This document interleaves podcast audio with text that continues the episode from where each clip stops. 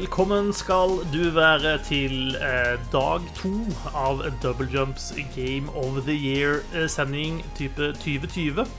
Eh, jeg er Marius, og med også i dag er Susanne, Hallo, hallo.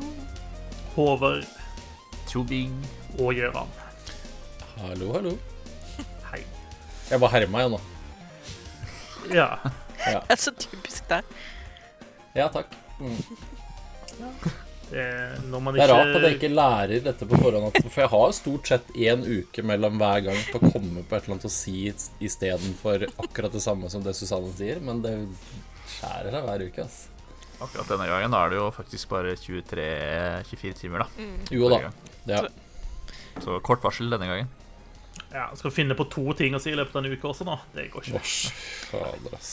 Men jeg advarer deg. Neste, neste gang skal jeg si noe eh, outrageously inappropriate. Oi. Oi, oi. Oi, oi. Jeg må, må henge opp som notatlapper. Gule lapper. Hørte jeg, hører jeg, det er- det er mye brukt. Følg, følg med neste uke, da, folkens. I hvert fall i dag skal vi prate om alle spillene som vi har spilt i 2020. Stort sett. Eh, I går hadde vi en veldig fin dag der vi kåra årets uting, årets ting og et par andre ting. Eh, anbefaler å høre på den, hvis ikke du har gjort det allerede. Eh, der prater vi også litt om ulike detaljer eller spesifikke ting som skilte seg ut fra spillene vi hadde spilt i 2020, som vi bare måtte dele med dere, kjære lyttere. Men i dag så skal vi grave oss ned til beinet på spillene vi har spilt. Jeg håper dere liksom er rigga. Dere har liksom eh, gjort deres sånn pre-show-forberedelser og er klar. Jeg har tatt pullups, har på boksehansker. Yes. Jeg har funnet frem ja. giljotinen, og molotovene står klare. Ja. Jeg har- forhåndssendt trusselbrev til alle sammen. Ja, ja. Og det der var, ja. OK. Ja, greit. Altså Hvis du får et trusselbrev og ikke skjønner at det er et trusselbrev, da er det et dårlig trusselbrev. Altså. Kanskje du skal øve deg litt på det til neste gang. Ja, det er første, første gang jeg har gjort det. vet du. Eller det kan være at jeg får så fryktelig mange at jeg, jeg, jeg siler de litt ut etter hvert. Sant nok. Og, all, og alle fra Gjøran. Ja. Ja, ja. Det er ukentlig et eller annet. Ja. Deg og mamma, alltid. Hver gang. Men du veit at jeg og moren din Vi har et sånn ukentlig Teams-møte der vi går gjennom. Dette er noe next level mora di-vits. En ting er at du ligger med mora di, men at du driver med Teams-konferanser med mamma, der setter jeg ned foten. ass. Det... Uh, OK, spill, folkens. Fokus, fokus. Dette, dette klarer vi. Um, vi har en liste med mange spill. Eh, vi kan jo starte med at jeg leser kjapt gjennom alle spillene som står på lista. Sånn at du, kjære lytter, kan rive deg i håret av det du mener ikke er til stede på lista. For det er helt sikkert noe du savner der. Men lista som foreligger, som vi skal prate gjennom, og det betyr ikke at fordi om et spill er med her, så betyr ikke det at vi, vi Det at vi syns at det er det beste spillet i år, bare det er sagt. Eh, listen er 13 Sentinels, Animal Crossing New Horizon, Assassin's Creed Valhalla, Astros Playroom, Avengers, Carrion, eh, Call of Duty Black Ops Cold War, Crusader Kings 3, Cyberpunk 2077, Demon Souls Remake, Doom Eternal, Dreams, Fall Guys, Fifa 21, Final Fantasy 7 Remake, Gears Tactics, Genshin Impact, Ghost of Tsushima, Hades, Half-Life Alyx, Hyrule Warriors, If Found, Immortals Phoenix Rising, Microsoft Flight Simulator 2020, Minecraft Dungeons, Moving Out, Neo 2, Ooblets, Ori and the Will of the Wisps, Outer Wilds, Paper Mario The Origami King, Paradise Killer, Pikmin 3 Deluxe, Resident Evil 3 Remake, Skater XL, Spider-Man Miles Morales, Spiritfarer, Star Wars Squadrons, Tell Me Why, The Last of Us Part 2, Tony Hawk Pro Skater 1 pluss 2 Remake, Valorant, Wasteland 3, Watchdogs Legion, Volsen, Volken, Volsen, World Usik- of Warcraft Shadowlands og XCOM Chimera Squad. Uff. Det, jeg må ta meg en slurk, kjenner jeg. Volsen, Volken, Voltsen. Det var én, da. Ja. Ikke, ikke tre. Det var, det var, den er ikke nominert flere ganger. Jeg bare ikke anelse hva jeg skal si eh, at den heter. Jeg vet, jeg veit faktisk ikke hva det heter, jeg heller. Nei. Skal vi se Det- det- Eh, Vent litt, da. Jeg kom på et til, jeg, faktisk, nå mens vi drev på. Eh, Ja, som det- heter The Pathless, heter det. Ja. Ah, ja. Jeg trodde du skulle si Path of Exile, eh, og da hadde jeg satt ned foten. Eh, Jeg hadde litt lyst, fordi Ja. det, en av de beste utvidelsene til det kom nå i år, faktisk. Det er fint. Da får du ta din egen Path of Exile-sending etterpå. Åh, det går Jeg har lurt på det mange ganger. Ja. Uh, all right. Eh, Ja, ja, fordi vi, mens vi er inne på det, da, det hadde vært rart hvis uh, Path of Exile var på denne lista på årets liste. Uh, men Outer Wilds er plassert på årets liste av en eller annen grunn. ja, hvorfor det? Ja, det- hvorfor det? Det er fordi jeg eh, rakk ikke å spille Outer Wilds i fjor. Og det beklager jeg på det sterkeste. Jeg har rukket å spille det i år. Og det er et veldig, veldig, veldig bra spill som definitivt hadde vært med på en eller annen toppliste hvis man hadde vært eh, tidsnok ute. Men eh, det er ikke 2019, så det blir jo stryket. Men jeg ville bare si det, at eh, ja, of Wilds er så bra som alle mener at det skal være. det, det er notert. Takk. Eh, jeg tenker, Jeg spilte det i 2020, det var derfor jeg tok det med. Ja.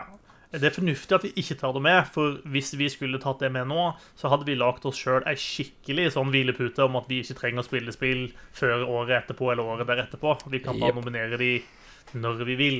Eh, Det var såpass bra at jeg ville bare si at ja, jeg skjønner hvorfor det er såpass bra, og jeg er med på det. det, det, det er notert. Eh, ja. Uh, vi skal jo kåre topp ti her. Uh, vi har også våre egne, våre personlige topp fem-lister, som vi, skal, vi skal prøve å gjette litt på underveis på hver vår liste, og se om vi, vi klarer å spotte hvilke spill som hører hjemme på hvilken liste. Og så skal vi avsløre dem på slutten, da. Og nei, Susanne, det er ikke en konkurranse. Det er det taperne alltid sier. Mm. Ja.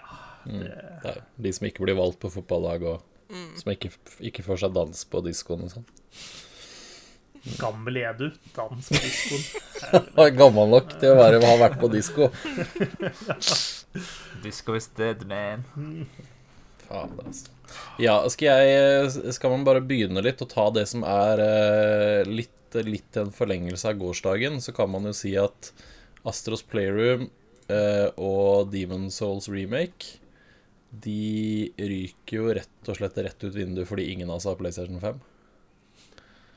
Ja, de gjør jo det. Ja Det er vanskelig å ha sagt noe om det utover at eh, Astros Playroom ser gøy ut. Ja. Men Ja. det blir fort, fort er borti et halvt år før eh, liksom, vi får eh, kan bekrefte eller avkrefte det da, Mm. i denne podkasten. Det har visstnok bra musikk, har jeg hørt. Og Demon Souls virker som om det er en ordentlig bra, ordentlig bra remake av Demon Souls. Så det hadde sikkert også vært snakka om, hvis, det, hvis det ikke dersom ikke. Det har du nok rett i. Det er nok fornuftig at vi tar de bort, siden ingen har spilt de. Og i samme ånd så må jeg jo også spørre Hyrule Warriors. Er det noen som har spilt det? Nei, og det er jeg veldig lei meg for, for der er det jeg som har vært treig. Ja. Ja, for det skulle du sende til meg. eh, Ja. Men det har dødd bak eh, PC-skjermen din, skjønte jeg. Ja, det har det. Det der var der. Men uh, vi, får, uh, vi, får, vi får prate om det på en uh, vanlig ukespodkast isteden. Ja. Det skal vi klare å få til. Eh, Er det flere sånne ryddinger som må gjøres her, eh, føler dere? Altså, der er jo der er noen diskusjoner her eh, liksom sånn om hva hører hjemme på en liste og ikke. Eh, Skal man ha remakes på en liste? Skal man ha utvidelser på en liste? Skal man ha Early Access-spill? Ja, det, nei. Nei, da forsvinner Ublitz. Good, goodbye. Bu. Er det sant? Ja. Er det Early Access? Det er det. Ja, vi, vi, vi har pleid å, å være litt strikte på det her i Double Jump og si at uh, vi nominerer et spill det året det kommer ut. Og Early Access, da har de ikke kommet ut ordentlig ennå. Ja, så Watchdogs og Cyberpunk, de ryker også. Fordi de funker, de funker jo ikke ordentlig ennå. Hadde de blitt erklært som at dette er beta, så ja, da hadde de røket. Men eh, nå har de nå valgt å gi de ut, og da må Ubisoft og, og CD Projekt Red jaggu meg stå for det de har levert, tenker jeg. Ja. Yes. Eh, jeg tror ikke det er så mye mer uh, ryddearbeid som skal til da, egentlig. Microsoft Flight Simulator. Ja, den er kanskje ikke vi spilt så mye. Jeg har hatt et ambisjon å spille det, men uh, sånn da det var nytt og fresht og jeg lasta det ned, så hadde det en eller annen sånn bug som gjorde at jeg ikke fikk boota det opp. Det stemmer. Eh, som kanskje jeg fiksa nå. Det vet jeg ikke, for jeg har ikke prøvd. Uh, Det høres ut som et tynt vurderingsgrunnlag. ja, ja, ja, ja. Det ser flott ut. Og det ser gøy ut å lande på litt sånn uh, smale fjelltopper og sånn. Men jeg har ikke fått gjort det sjøl. Nei. Da Så rydder vi den også. Ja, du kan eh, 9 og 2 er det ingen som har spilt, faktisk. 9 og 2 er det ingen som har spilt. Nei, dessverre. Visstnok en bra oppfølger. Ja, ja. 9 og Det er 1, var det med på en liste en gang i tida? Nio. Nei, det kom ikke med på topp 10. Det var 2017. 2017. Da var det Det måtte gi tapt på sisteplassen for Doki Doki Literature Club, da, altså. Oh. riktig avgjørelse, det. ja, det syns jeg. Ja. Det var jo Det var jo ikke det dårligste spillåret vi har vært igjennom. Det var det ikke. Horizon Zero Dawn som vant. Ja. Men nå er det 2020 vi prater om. Mm. Eh, Det var deilig å få rydda litt. Mm. Ja, litt rydding. Og, og håper å si, vi, vi er et stykke unna å stå igjen med ti eh, likevel. Så vi kan jo begynne på en måte Vi pleier jo gjerne å pille litt fra bunnen. Oh. Så hvis det er liksom noen som har på noe her som de tenker at dette det, hører nok ikke hjemme i en topp ti, så er jo kanskje tida nå for å begynne å trekke frem kandidatene sine. Da må jeg legge til et spill til eh, lista, for så å ta det ut igjen. ja, det er greit. Uh, Twin Mirror. Twin Mirror. Ja. Hva, fortell om Twin Mirror. Eh, det, det Episode Eller er det episodebasert? Jeg tror det. Er det ikke tre episoder eller noe sånt skal bli, eller husker jeg helt feil? Uh, Tell Me Why er i hvert fall episodisk. Twin Mirror er jeg litt usikker på, men det er jo samme utviklerne, i hvert fall. Det er jo Don't Nod eh, som har lagd et sånt etterforskerspill eh, hvor du spiller en fyr som har et sånt mind palace han kan gå i, inn i for å se på alle klusene han har funnet, og liksom eh, spille ut forskjellige scenarioer for å finne, finne ut av eh, hvordan hendelser har eh, foreløpt, da. Eh, som i og for seg er et spennende konsept, men øh, spillet var dritkjedelig. Ja, det er bare ett spill, faktisk. Det er bare den ene. Da er det ja, Tell Me Why som er episodisk, og så er Twin Mirror et helt spill. For de slapp jo de ut relativt samtidig, faktisk. Var ikke det nesten samme månedene? Jeg tror det. Ja, stemmer det. Um, jeg tror jeg har lyst til å slenge Fifa 21 på Hva heter det? På Bålet? Skraphaugen. Ja, jeg det- jeg tenkte på, var egentlig mer Det var sånn der du legger hodet ditt når det skal hogges av. På, på Hoggestabben. blokka, liksom. Ja, hoggestabben. Ja.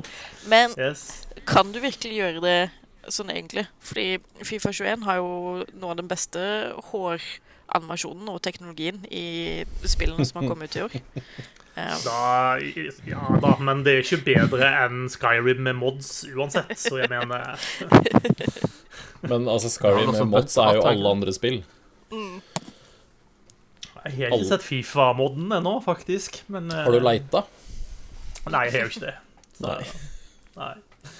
Men ja, årets Fifa var Jeg syns det var sånn OK minus, egentlig. Eh, Håvard, du var vel ganske misfornøyd eh, med, med årets versjon? Nei, jeg har ikke spilt uh, årets versjon, jeg. er det Nei, så det- dårlig at du ikke har spilt det? Så Wow. dårlig. Ja. Jeg er- jeg er misfornøyd med å få lov å spille det via dette EA Play, eller hva det heter for noe. Denne eh, strømmetjenesten som, via, som jeg får via GamePass Ultimate. Ja, men det får du lov til om et lite år, vet du. Ja. Det er jo neste år, da. Neste høst kan jeg sikkert si noe til høsten igjen. Nei, Fifa 21 i år var litt eh, De, de satsa eller, liksom, Den store tingen i årets Fifa var det det Volta, denne street football-modusen deres. Den kom i Eh, fjor, men de kan ha pimpa den litt i år. Ja. Og den var Den var litt kjedelig, på en måte. Altså, De hadde en historie du spilte igjennom som var helt OK, og når du hadde gjort den, så var det ingen grunn til å fortsette å spille den modusen i det hele tatt. Eh, Så det var litt umse. Eh, I tillegg så syns jeg at eh, Ultimate Team-biten i år eh, De jeg er sånn en kjiping som ikke har lyst til å spille mot fremmedfolk på internett. Eh, og da var det veldig få alternativer igjen på Ultimate Team i år, syns jeg. eh, For at jeg skal kunne spille og ha det gøy der. De skal liksom tvinge deg til å spille online mot andre folk. Eh, så, så jeg syns det var OK minus. Og, og det var jo ikke noe sånn revolusjonerende med årets versjon kontra de foregående, så utenom håret, åpenbart. Eh, så for meg så havner den fint glatt utenfor topp ti, i hvert fall. Det er jeg ikke tvil om. Haaland på coveret, da, var det ikke, var det, ikke det? Hvem er det som kjøper spill med cover lenger, da? Nei, det Det var jævlig dårlig cover, da. Sushi. Det var det jo. Ja, coveret var jo stygt. Ja. Så Var det fordi Haaland på var det. på det, eller bare sånn Nei, det har- designmessig? Designmessig. Det har ingenting med, med Haalands utseende å gjøre. Ja, jeg vet ikke jeg, hvor du ville rate Haaland som sånn modellkandidat. Eh. Altså. Den samtalen veit jeg ikke om vi skal begi oss ut på hvem av disse fotballstjernene som er modellkandidater og ikke. Nei, jeg vet ikke. Jeg føler, jeg føler Haaland har litt å gå på, i hvert fall. Eh, Men det er greit. Vi trenger ikke diskutere det. Det går fint. Nei. Det var gode, Noe gamle annet? dager. Noe annet vi har lyst til å trekke ut av Ja, altså, vi kan, vi kan helt fint trekke ut uh, Volschen, Volken, uh, Volken. Volken ut av valsen. Ja, Volken kan godt uh, kastes rett ut, fordi uh, det, det var sånn Det var sånn passe bra lite grann, og så blei det dårlig med en gang du var ferdig med historien, egentlig, og så blei det bare dårligere jo mer du gravde ned i det, for det, var, det, er bare, det er fullt av ting som ikke funker som det skal. Det er så mye greier som fortsatt ikke er eh, Ikke fungerer. Eh, Det var på det nivået at du ikke fikk eh, pluss 10 agility hvis du valgte et sånn i et talenttre. Så gjorde det ingenting. Det var liksom vi var, For Volken det er et slags sånn Diablo-esk-aktig spill. Ja, men med kulere grafikk, eller bedre grafikk, da, for så vidt. Eh, Det ser, det ser ganske pent ut, det skal de ha. Og combaten er i utgangspunktet kul, men det var så mye feil og så mye bugs og så mye ting som ikke funka. Så var det Historien var bare helt OK, og så når det kom til endgame, så var det mer eller mindre én ting du kunne gjøre hele tiden. Og ja, det er litt sånn greia med de spillene at det er en Altså, endgame er egentlig en grind bare for å få bedre, men det var, du fikk så lite ut av det at eh, nei. Det var eh, Det ble tynn, tynn suppe. Tynn suppe. Det ryker brokken ut av lista. Um, vi kan jo prate litt om Watchdogs Legion, kanskje. I samme slengen. Du Ja. har jo spilt mye Watchdogs Legion, Gøran. Ja. Eh, jeg har spilt det mindre.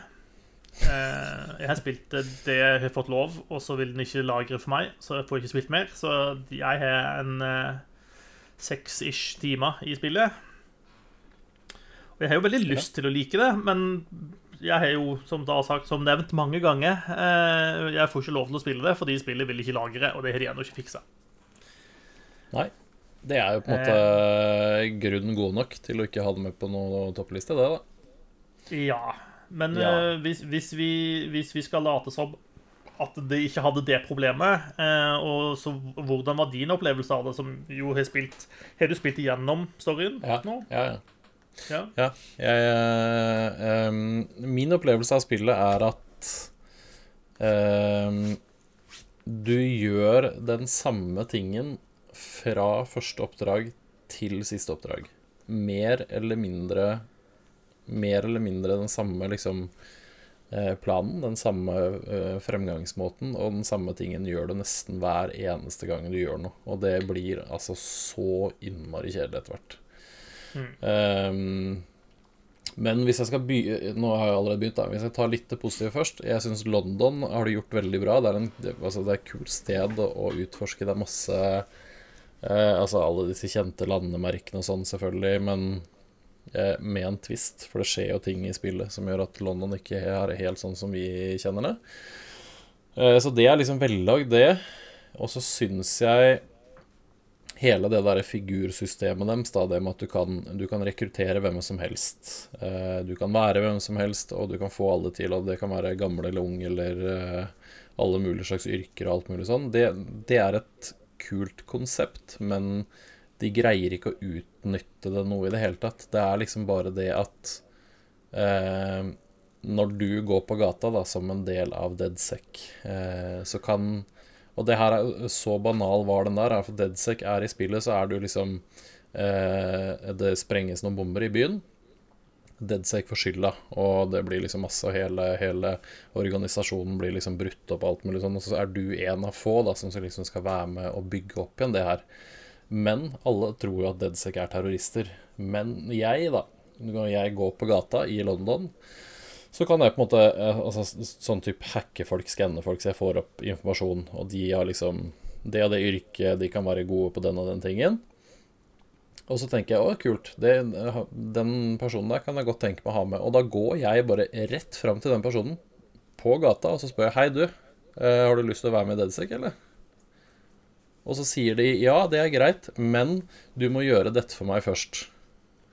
Og så gjør jeg dette, og så er de med. Og det gjelder alle rekrutteringene i spillet, uansett hvem det er, uansett hvor du er, og uansett hva slags status det er i spillet, så er det den eneste fremgangsmåten. Og sånn er liksom store deler av spillet. Watchdogs er sånn at du, du, gjør den samme tingen, og så får du en sånn 'Dette må du gjøre for å få den tingen', og så gjør du den tingen, og så blir du ferdig, og så pushes du til neste, og så er det den samme tingen igjen. Og det, det blir bare repetativt og, og, kjedelig, og veldig lite oppfinnsomt etter hvert. Mm. Ja, det Eh, det kunne blitt veldig kult, det, der, eh, det figurgreiene, hvis de hadde turt å gå all in på det og bruke det mye mer. Eh, både for deg, men også mot liksom fiendene dine.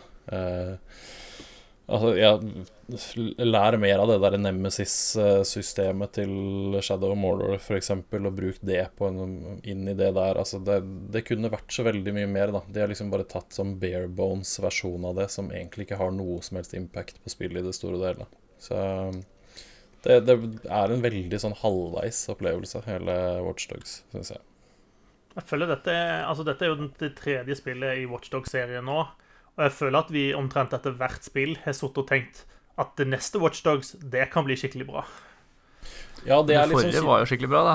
Det forrige var ordentlig kult, og det, det syns jeg er synd, da, for det forrige så De tok seg selv litt mindre seriøst. Det var litt mer gøy i ja, Watchdogs 2. Det var ganske tøysete, ja, men, det var, men, men det, var, var avslappa og OK. Ja. Ja. det var teit, og det var tullete, og det var litt sånn eh, Litt sånn over toppen, både det ene og det andre, men der var det liksom gøy. Nå har de gått tilbake igjen til at å, nå er det blodseriøst og deadsec og knus uh, makta. Altså det er, det er, liksom ikke Nå er de så jævlig sjølhøytidelige igjen, og det får de ikke til, altså. Mm. Det funker rett og slett ikke. Så nei. Det er uh, Jeg har faktisk Jeg har til og med glemt å skrive det. Nei, det står nest nederst på lista mi over spillene jeg har spilt i år. Da fjerner vi i hvert fall Watchdogs Legion og ja. konstaterer at det ikke havner på Jumps topp 10, i hvert fall. Nei. Ja uh, Jeg slang inn Vi kan ta den som er uh, den nest siste som jeg slang inn, som heter The Pathless. Pathless. Mm. det er det nye spillet fra Giant Squid. Det var de som lagde det derre Det som du kaster sånne maling på et hvitt lerret. Jeg husker ikke hva det heter engang. Samme det. Eh, det er ganske bra, faktisk, det første spillet deres. Eh, her er du Du styrer en eh, Du er en type jeger eller et eller annet sånt som sendes til en øy Jeg har spilt veldig lite av det, for så vidt, jeg, er ikke helt, jeg har ikke helt koll på storyen. Men i hvert fall så er det en eller annen forbannelse eller noe sånt som du skal eh, skal løse opp i. Eh, det som er kult med The Pathless, er at denne eh, figuren som du styrer, eh, den er skikkelig god med pil og bue. Og så kan du løpe ordentlig fort, og så kan du skli på knærne mens du sikter og skyter. Det er omtrent så langt jeg har kommet i Pathless, og det blir en veldig kul sånn flyt fordi du kan eh, spurte, og så begynner du Og så er det en type sånn auto-aim, så du sikter deg inn på Altså blinker eller hva det enn er. Eh, automatisk, og så holder du knappen inne, men mens du gjør det her samtidig, så sklir du og beholder farta.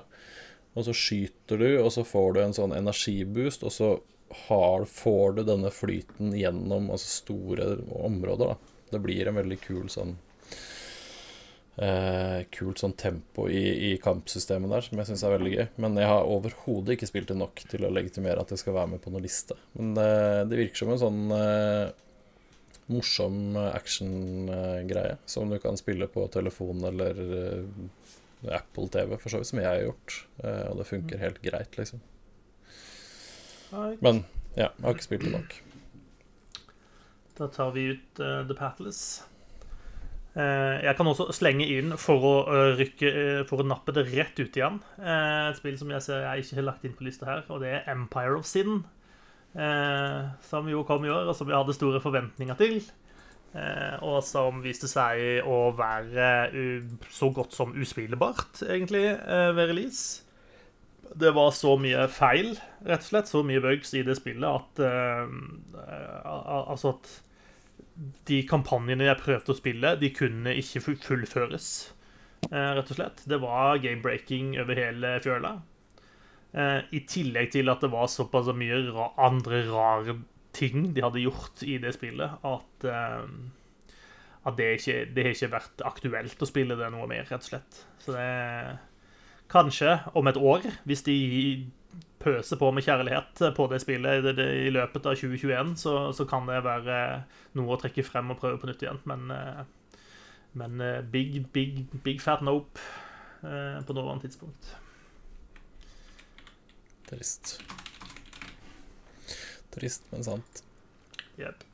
Eh, ja Skater XL har jo ingenting på en topp ti å gjøre. Ehm, det er ehm, en litt sånn um, Hva heter det spirituell oppfølger til Skate-serien, i og med at eh, man styrer hvert sitt ben med stikke, stikkene, sånn som i Skater. Bare at det er tatt eh, enda et steg lenger, da, så um,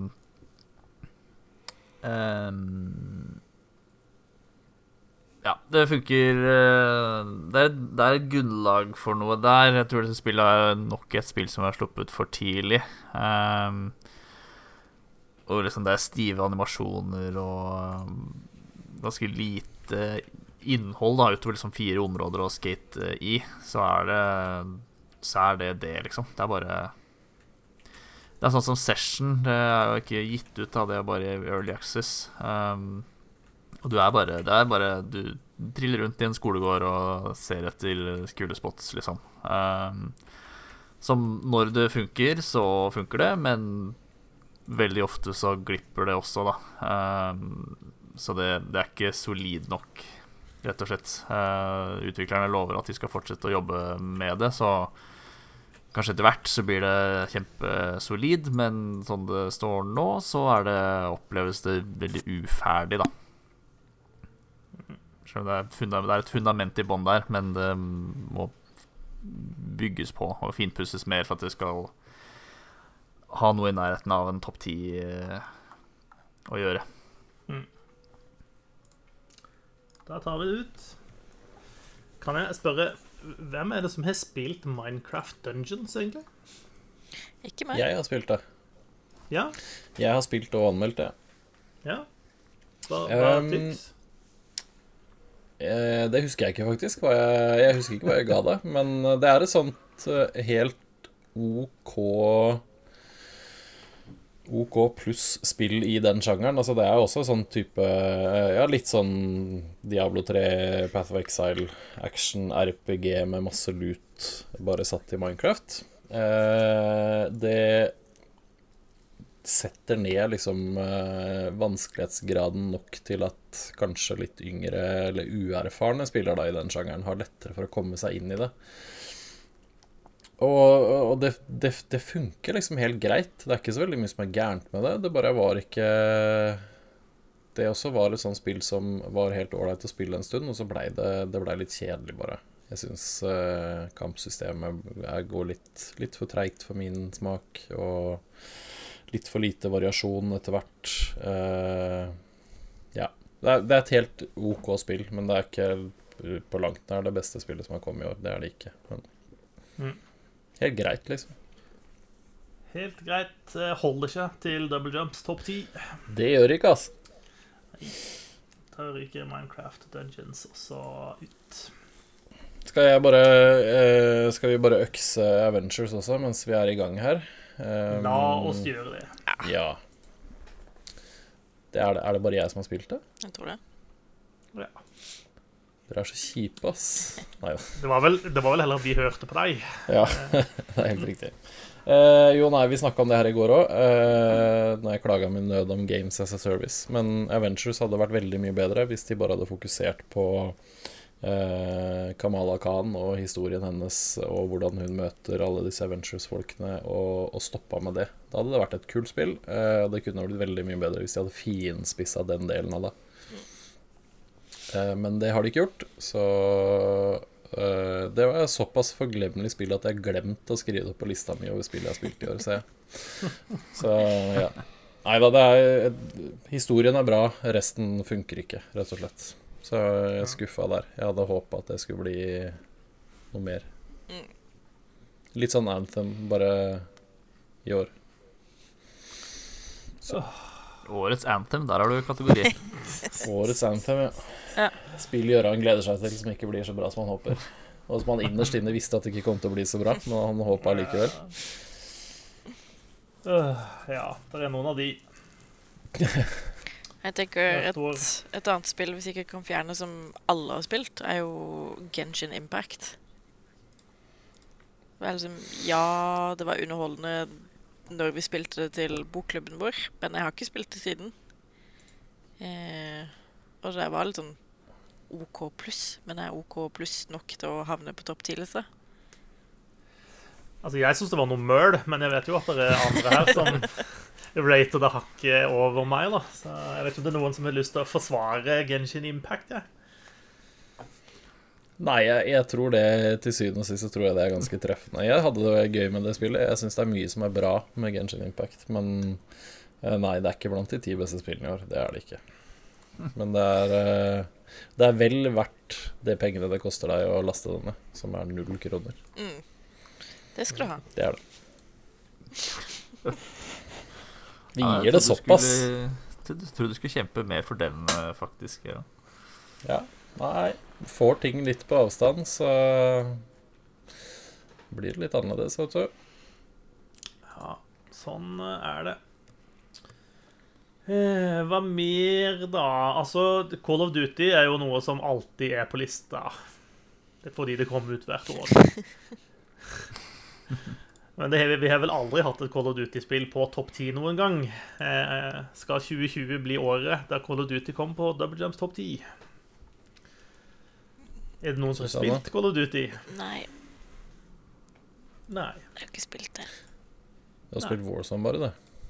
Ja Altså, jeg har spilt uh, Modern Warfare. Jeg har spilt mye av det, og Warzone. Men jeg har ikke fått satt meg ned med Cold War ennå.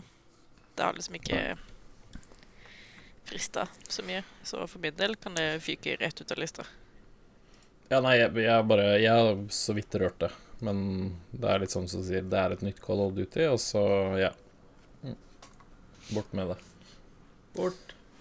To indre Skal vi Får vi tatt to til, så har vi 30 spill igjen på lista. Oi. Oh. Eh, da kan, skal vi ta ikke min matte helt feil, og det kan jo godt hende. Det er ikke mulig. Eh, Carrion, skal vi ta den først som sist? Det har jo alle spilt. Mm. Ja. Spill Carrion. Ja, Det er et morsomt var- spill, men det er, vel- det er vel heller ikke et topp ti-spill. Det, er det er et helt OK plattform. Altså. Det er et bra plattform eh, Metroidvania-spill, men Mm. det, det er liksom ikke outstanding på noen som helst måte. Nei, veldig gøy konsept det som å være den, det som er farlig. Eh, altså sånn Nå ender man ofte opp med å være det værfarlige spill, da. Men her er liksom eh, Det som eh, resten av verden er eh, redd for, du spiller den skumle tingen, det er, det er jo gøy. Mm. Ja, altså var det altså, liksom Animasjonene og liksom, altså, følelsene i bevegelsen og sånne ting i spillet var jo knall. Eh, Sånn at det, det er definitivt mange ting de gjør, gjør riktig i det spillet. Men, eh, men jeg støtter at det, det havner nok utafor topp ti, det også. Det gjør det. Men eh, vel verdt å sjekke ut hvis du har GamePass. Det ligger der. Vi gjorde ikke det? Jo. Jo. Ja. Jeg har spilt det litt i etterkant etter bokklubben, jeg, faktisk. Ja, For det var jo, det var jo morsomt. ja, det er ikke verst. Så var det om vi skulle ha ut en til, da. Altså, Valorant er et spill som vi har prata merkverdig lite om i Double Jump. Ja, det er Ja, jo jeg- bare fordi det ikke frister mer enn Overwatch, da, for det er jo meg. Ja, ja. Ja, altså det er jo litt, det er jo litt der det er, ikke sant. Det, øh, det prøver jo å plassere seg litt sånn et eller annet sted mellom øh, øh, CS og Overwatch, på en måte. Mm. Og så Jeg spilte det Jeg spilte ikke mye, men jeg spilte det en del sånn rundt når det kom. Og det hele Altså, det gjør ikke så mye gærent. Det bare Det var ikke for meg i det hele tatt. Det var et eller annet med at uh, det var ikke Det var ikke reindyrka nok CS, eller det var ikke Jeg veit ikke. Uh, flytende nok Overwatch. Altså Det blei liksom en sånn merkelig kombo som ikke, som ikke snakka til meg i det hele tatt. Jeg skjønner at det er mange som liker det, og det er sikkert Kan hende det bare var jeg som var dårlig, men nei, det, den funka ikke for meg, altså. Jeg veit jo de, de jobber jo på, og de slipper nye folk, og det kommer Valorant season 2, og det er liksom Det er sikkert mange som spiller det, men Nei, det når ikke Nei. helt opp. Det er en eh, norsk streamer som heter Average Jonas. Han har jo slått seg opp som Valorant-streamer. Han uh, ble jo signa av til eh, Team Liquid og greier nå nylig, så han uh, klarer seg, han. Må ikke forveksles med Double Jump Jonas. Nei, han er jo Nei, langt han under er- average. Han er langt over average. Det er helt sant. Eh, du skulle ta bort Pathless, det har du ikke gjort. På lista, Nei. som vi ser. Dette er, dette er god podkasting. Yes. Beklager. Da er vi under 30, da, så vidt jeg skjønner. Ja, jeg tror Ja. vi er, nå, nå tror jeg faktisk vi er på 30. Jeg tror også ikke at det er noen som har spilt Det er ingen som har spilt Resident Evil 3 her. Nei. Nei. Nei. Uh, ja. Der gikk jo den ganske elegant ut. Det er litt sånn walkover for mange av spillene her. Ja, ja, altså, det er jo Kom på Double Jumps topp 10 på walkover. mm. Nei, det, det får man ikke. Men Nei, eh, Samla har vi jo spilt ti spill i år. ja. Det er helt korrekt. Eh, Star Wars Squadrons over Du har spilt det? Ja, ja, eh, og der tror jeg det er mye moro. Men eh, jeg tror min Prosessoren i min PC er for, for sløv til å kjøre det. Så jeg hadde ikke noen sånn kjempegod opplevelse med det, fordi det hakka og Så jeg har liksom ikke spilt så mye som jeg egentlig hadde lyst til, fordi jeg, jeg gadd ikke, fordi, på grunn av hakkinga. Så her må vi rett og slett uh, verktøyet ta litt av skylda for at den ikke får lov å komme med Kanskje, da. Um, ja, eller det blir jo verktøy som vi skylder på, for jeg har ikke spilt så mer enn jeg har. Uh, men det var, uh, det var gøy. Det var sånn du Man er jo vektløs i in space, så å si, så du kunne kjøre opp og ned og fram og tilbake og uh, Veldig sånn Star Wars uh, hva skal jeg si, holdt på å si autentisk. Eh, men du har, du har jo alle lydene og skipene og så det, var en, det er en god følelse der, men det blir ødelagt av at jeg har en for svak PC, og det må jeg jo ta på min uh, kappe. Det, vi setter den på din kappe, Håvard, og så tar vi det ut av lista. Ja. Eh, mer som skal ryddes ut her, da? Tja Ja, det er jo det. Vi kommer jo ikke, kom ikke, bort herfra før det var rydda ganske mye mer enn det her. Um, jeg tror dessverre vi kan rydde Paradise Killer, og det er rett og slett også fordi det har jeg ikke spilt nok. Mm. Uh, men det virker, det virker veldig, veldig kult. Uh, jeg, har bare, sånn jeg har bare sett på det, og det, det ser super weird ut. Men soundtracket er jo fire. Ja, ja. Det det er, det er, en veldig kul sånn uh, estetikk på hele greia. Både musikken og grafikken og figurene og, og, liksom dialogen dem imellom og navn på de forskjellige sånn. Det er veldig, det er veldig kult alt sammen sånn. Det er veldig vellagd. Uh, men jeg tror rett og slett ikke jeg har spilt det nok ennå til å liksom legitimere noe. Men det kan godt hende det er et topp ti-spill, faktisk. Såpass, uh, såpass investert er jeg allerede. Men. Det er et spill man må ha ferdig tror jeg. Mm. Men uh, jeg hadde sjekka det ut. Definitivt. Alright. Så det, det, kan vi ta. Da ryker Paradise Killer. Jeg tror mm. også Jeg tror ikke det er så mange andre enn jeg som har spilt If Found her. Nei. Det kan stemme.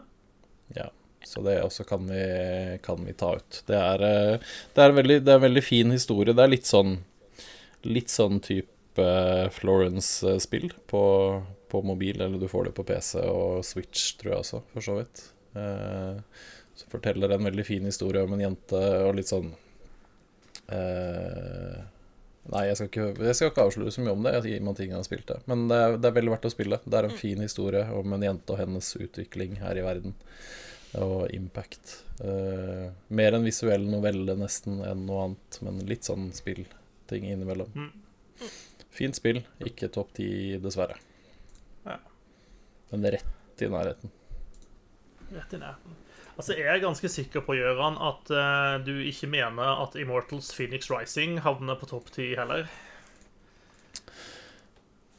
Jeg sjekke lista vi? Nei da, det gjør ikke det. Uh, nei, det gjør ikke det. Og det, uh, det kan godt hende jeg er litt urettferdig nå, men det, det, det, var et eller annet med det spillet som ikke funka i det hele tatt for meg. Uh, i, i, liksom combat og, og, våpnene og animasjoner og sånn. Det blei helt sånn off. Så jeg, jeg, greide aldri å ha det spesielt gøy, og jeg sleit liksom å få til det som jeg skjønner er ganske enkle kamper. Så jeg vet ikke. Jeg, jeg, skal prøve og se om jeg gidder å gi det en sjanse til å prøve å liksom komme meg litt videre. Kanskje jeg får oppgradert og får noen nye våpen, så det blir litt annerledes. Men nei, det, det bare Det funka ikke i det hele tatt. Mm. Kjedelig. All right. Da har vi sånn ca. 25 spill igjen. Sånn rundt om deres sted. 5-26 spill, noe sånt. Mm. Skal vi ta lista? Det er 13 Sentinels. Animal Crossing New Horizon, Assassin's Creed Valhalla, Crusader Kings 3, Cyberpunk 2077, Doom Eternal, Dreams, Fall Guys, Final Fantasy 7 Remake, Gears Tactics, Ghost of Tsushima, Hades, Half-Life Alyx, Moving Out, Ori and the Will of the Wisps, Paper Mario The Origami King, Pikmin 3 Deluxe, Spider-Man Miles Morales, Spirit Fair, Tell Me Why, The Last of Us Part 2, Tony Hawk Pro Skater 1 pluss 2 Remake, Wasteland 3, World of Warcraft Shadowlands og XCOM Chimera Squad. Det er det vi står igjen med, folkens. Og vi skal kutte dette ned til ti.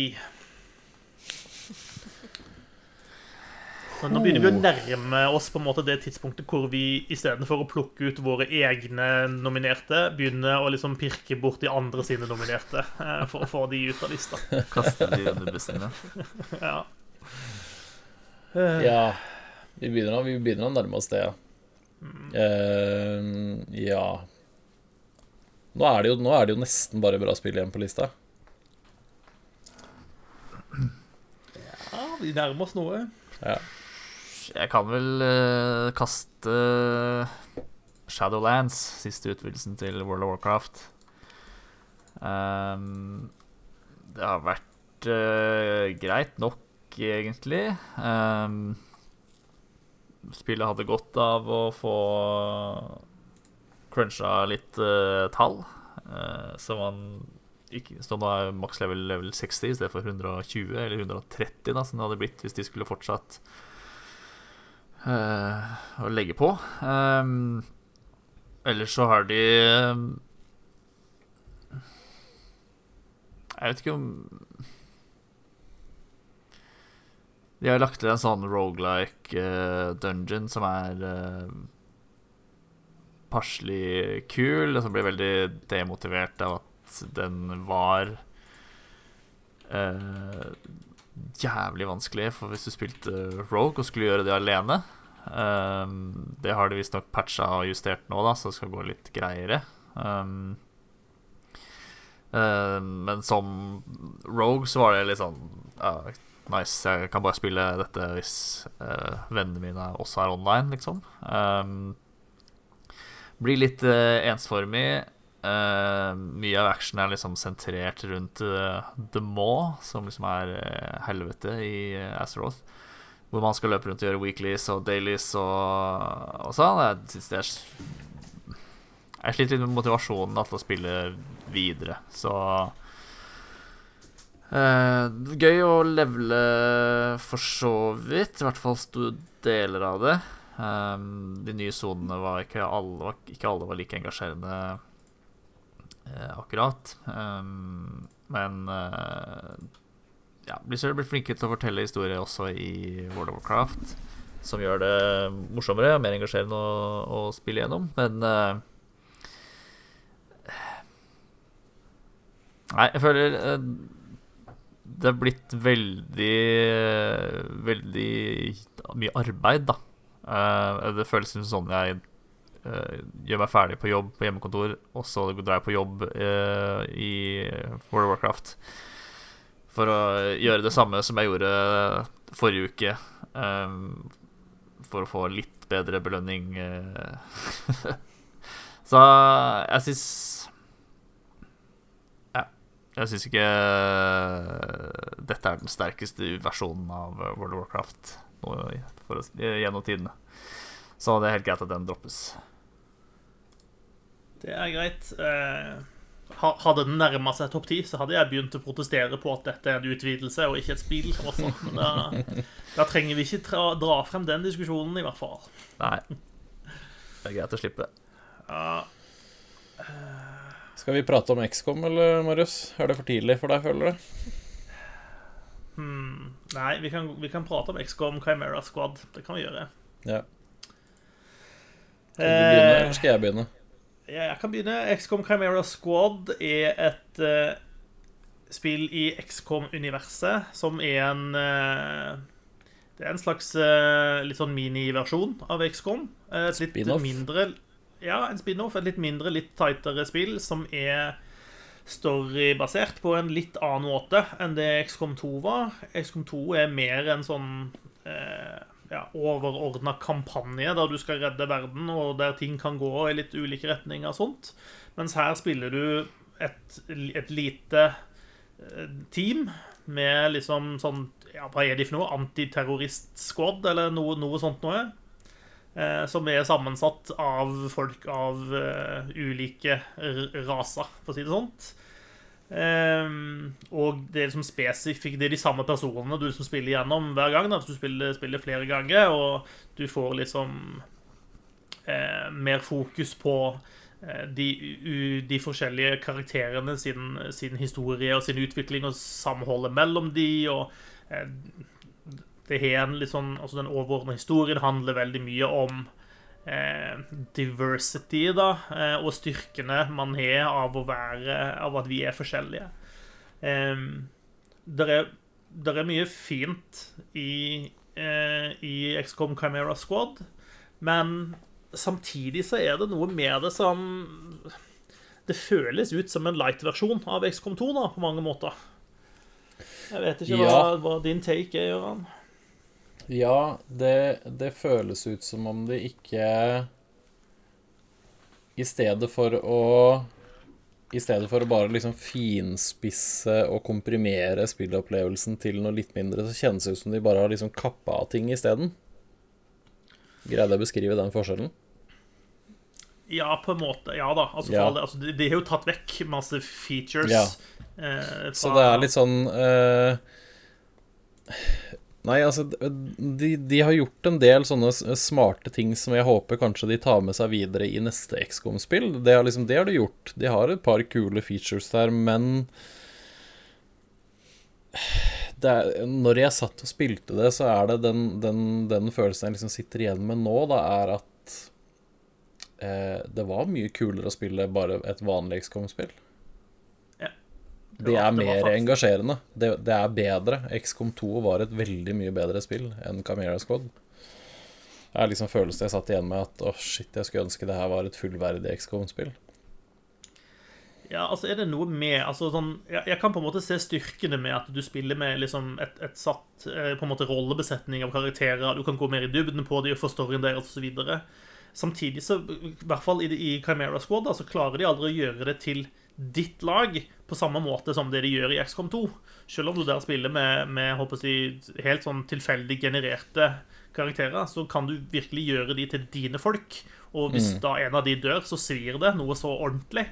Eh, mens i Chimera Squad så har du de folkene du får, og hvis de dør, så er det game over, og du må loade gamen igjen, liksom, fordi at de må overleve. Så i, Ja. i, i, et, forsøk på å lage noe tightere, så har de også mista en del av det som gjør XCOM så bra, da. Eh, Ja. Men altså, for all del, Chimera Squad er et bra spill. Det er underholdende, det er gøy. Eh, det bygger videre på liksom, den samme eh, combat-oppskrifta som, som de bruker, men, eh, men, men det blir Det blir liksom den litt sånn eh, jeg håper å si Den litt sånn stygge lillebroren til XCOM 2, da, uansett. Og det blir som en Pepsi Max, liksom. Det blir aldri like godt. Wow. Nå roer vi ned tu- ett tusen hakk her. Nå syns Har du fornærma fornærme 80% av lyttermassen vår også? ja, Nå er du farlig inne på liksom boller med eller uten rosiner-territoriet, og dit har vi ikke lyst til å gå igjen. Ikke i dag. Nei, vi har ikke tid til det i dag. Jeg visste jeg, visste jeg skulle få litt reaksjon på det. Uh, ja. Nei, men det er litt sånn litt for light versjon, kanskje. Ja. Eh, og så er det jo ikke til å skyve under en stol heller at det, eh, det føles som eh, OK, vi har, vi har utvikla Vi har brukt mye tid på å utvikle XCOM 2. Vi, we got the technology. La oss pushe ut et litt kjappere spill eh, som, som gjenbruker mye av det samme, da. Eh, Ja. Så, så det, det føles ikke ut som de har lagt like mye i dette som det de gjorde i XCOM 2. Det gjør de ikke. Så, Men det er et bra spill da- for det. Det er ikke noe bra spill, men det blir ikke topp 10. Jeg kan ta ut uh, Moving Out. Ja, jeg skulle akkurat til å Um, foreslå det. Det er uh, Det ligner på Overcooked, bare at man uh, driver flyttebrå i stedet for eh, kjøkken. Um, spille sammen med andre. Hysterisk moro. Um, men eh, nok ikke Det er nok ikke sterkt nok til å hevde seg helt i toppen her. Nei, altså jeg føler Men, ikke det, det bringer så altfor mye nytt til sjangeren. At uh, greier å liksom hevde seg her. Nei, men det, er, eh, men det er skikkelig ordentlig moro hvis du har med, tar med deg noen venner eller barn eller partner eller hva det skal være. Ehm, Så kan man ha det Kan man le godt av det. Mm.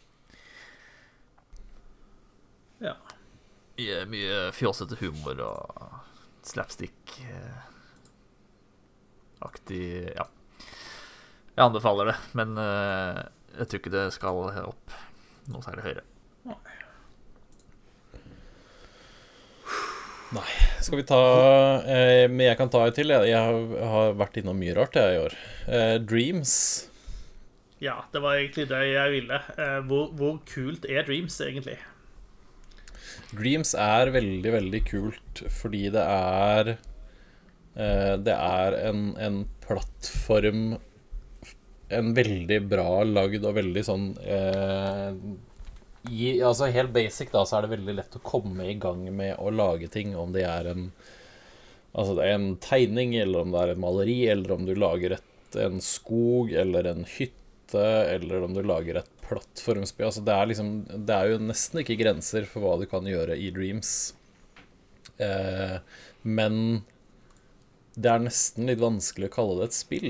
Det er liksom det som er litt av greia, da. For det er ikke Det her er mindre spill enn det Little Big Planet var. For eksempel, da, for å sammenligne det. Der var det i hvert fall et, altså et spill i bunnen av. Dreams er bare åpent, og så kan du hoppe inn og spille liksom alle disse brettene eller opplevelsene eller hva det nå enn er som folk lager, men ja.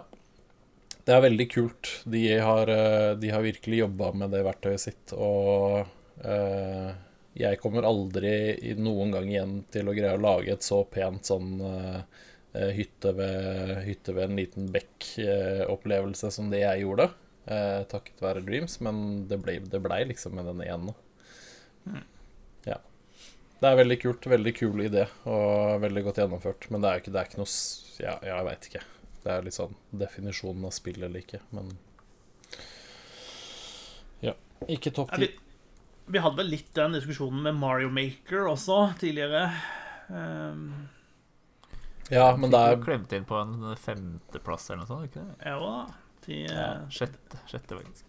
Men det er allikevel Dreams er litt sånn annerledes enn det nå. Det er ikke Altså, Mario Maker er så konsentrert. Her lager du et Mario-brett ferdig. Mm. Det er liksom det du gjør, og du hopper rett inn og spiller, og du kan gjøre det, men det er ikke Nei. Jeg vet ikke. Det er litt mer sånn flytende i Dreams. Det er greit, det. Mm. Shit, jeg syns dette Hvor mange er vi på nå? Nå er det 21, tror jeg. Uh, Ja. Det, Men da er det vel på tide å hive ut Crusader Kings 3. Det er vel et spill som bare er for nerds, er det ikke det? det er bare for nerds, men det er altfor tidlig til å prate om Crusader Kings 3 nå. Det er det.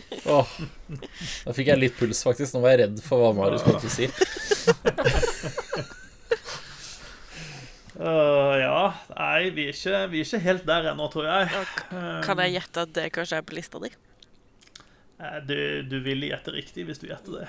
Det er på listen din. Det har jeg allerede skrevet. Det har jeg skrevet på lista. Det var det første spillet jeg skrev på lista di, Marius. Så det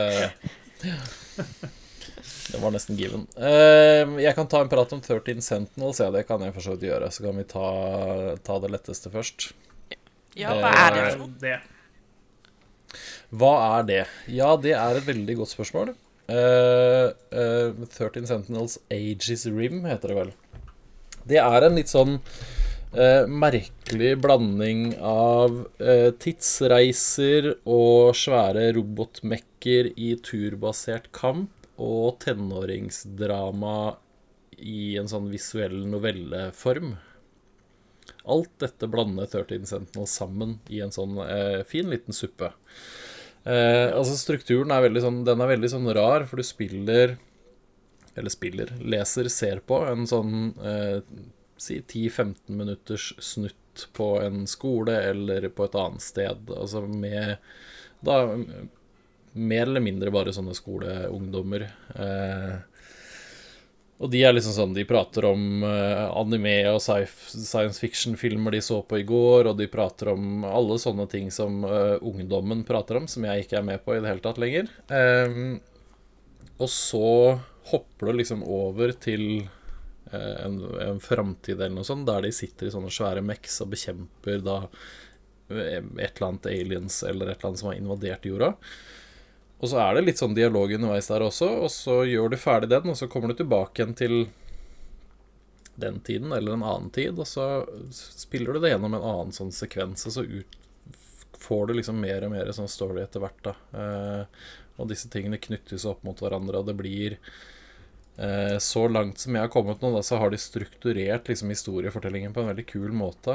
Eh, jeg syns det er velskrevet, og det ser veldig pent ut, i hvert fall ikke den turbaserte delen av det. Altså selve den, den delen er litt sånn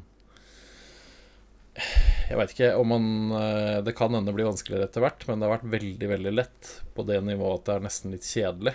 Eh, at Mm. man hele tiden må inn og kjempe de kampene, fordi det har vært så Det har liksom ikke Jeg tror nesten ikke jeg har mista noe liv enda etter typ sikkert ti timer med spill, i hvert fall. Ja. Eh, men det er veldig fascinerende. Men jeg har ikke spilt det ferdig, så derfor så, så kan jeg på en måte være med å ta det bort. Men det er, det er veldig fascinerende. Det er veldig kul sånn struktur, og jeg liker liksom figurgalleriet og hvordan hele tiden Og hvordan det er lagt opp og sånn. Så det Jeg gleder meg til å spille ferdig. Eh, men sånn som det står nå, så er det jeg, det er et historiedrevet spill, spill, liksom. Så jeg kan ikke ta det med på noen liste før jeg har tatt det helt 100% ferdig. Men det er veldig fascinerende spill, i hvert fall. Kan jeg spørre et veldig viktig spørsmål? Mhm. Er disse karakterene nakne når de er inni mekkene sine? Ja. Ja. Det var det jeg syns det så ut som, nemlig. Ja, det er det. Er det en forklaring på det? Det tror jeg, Ja. Det veit jeg ikke ennå. Eh, eh, jeg lurer på om det er litt sånn eh, Jeg lurer på om det er litt sånn som det er i Neon Genesis Evangelion, at det har en eller annen sånn kontaktgreie med mekken du styrer og sånn. Eh, men Du styrer med penis, altså. ja. Ja. Altså Joysticken sin. Ja. Ja, men greit. Jeg ble jo plutselig mer interessert, ser jeg. Men, eh, men det er greit. Nei, altså det er litt sånn De har en del av de der erketypiske sånn eh, eh, anime-greiene. Altså Du har en lærerinne med så store pupper at altså, hun må tippe framover på en måte, på et eller annet tidspunkt. Ellers har hun jævlig til mage- og ryggmuskler, i hvert fall. Altså Det er litt, det er litt sånn, men Jeg veit ikke. Det gjør ikke, det gjør ikke så mye, på en måte. Men uh, det, er, det er veldig sånn stereotypiske tingene de tar opp og sånn, men de gjør det allikevel på en veldig fascinerende og kul måte, da. Så det er, det er sikkert verdt å sjekke ut hvis du er litt sånn har lyst til å gjøre noe som er litt annerledes, for det er, ikke, det er, veldig, det veldig annerledes type spill. Mm. Man vanligvis beveger seg mot. Ja. Yes, da, men da tar vi det ut av lista, da. Men det hørtes jo litt interessant ut, da. Jeg skal si det. Det er tidsreiser, da, Marius. Åh, fuck. Det er noe dritt. Ja, da kan det bare være, kjenner jeg. Hmm.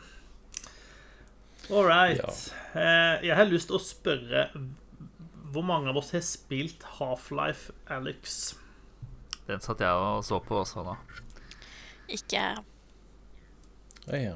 Det er ingen av oss som har spilt det. Jeg trodde du hadde spilt det, Susanne. At det var derfor det var der. Nei, det er ikke jeg som Da ryker den også, da. By default. Ja. Eh, Jeg har Ja. lyst til å spille det, men jeg har bare ikke kommet så langt. Det, det, det syns jeg er leit at vi ikke har spilt noen av oss, men eh, sånn er det. Det er, det er ikke så tilgjengelig at det gjør noe ennå, da. Så Nei, det er helt sant. det blir vanskelig.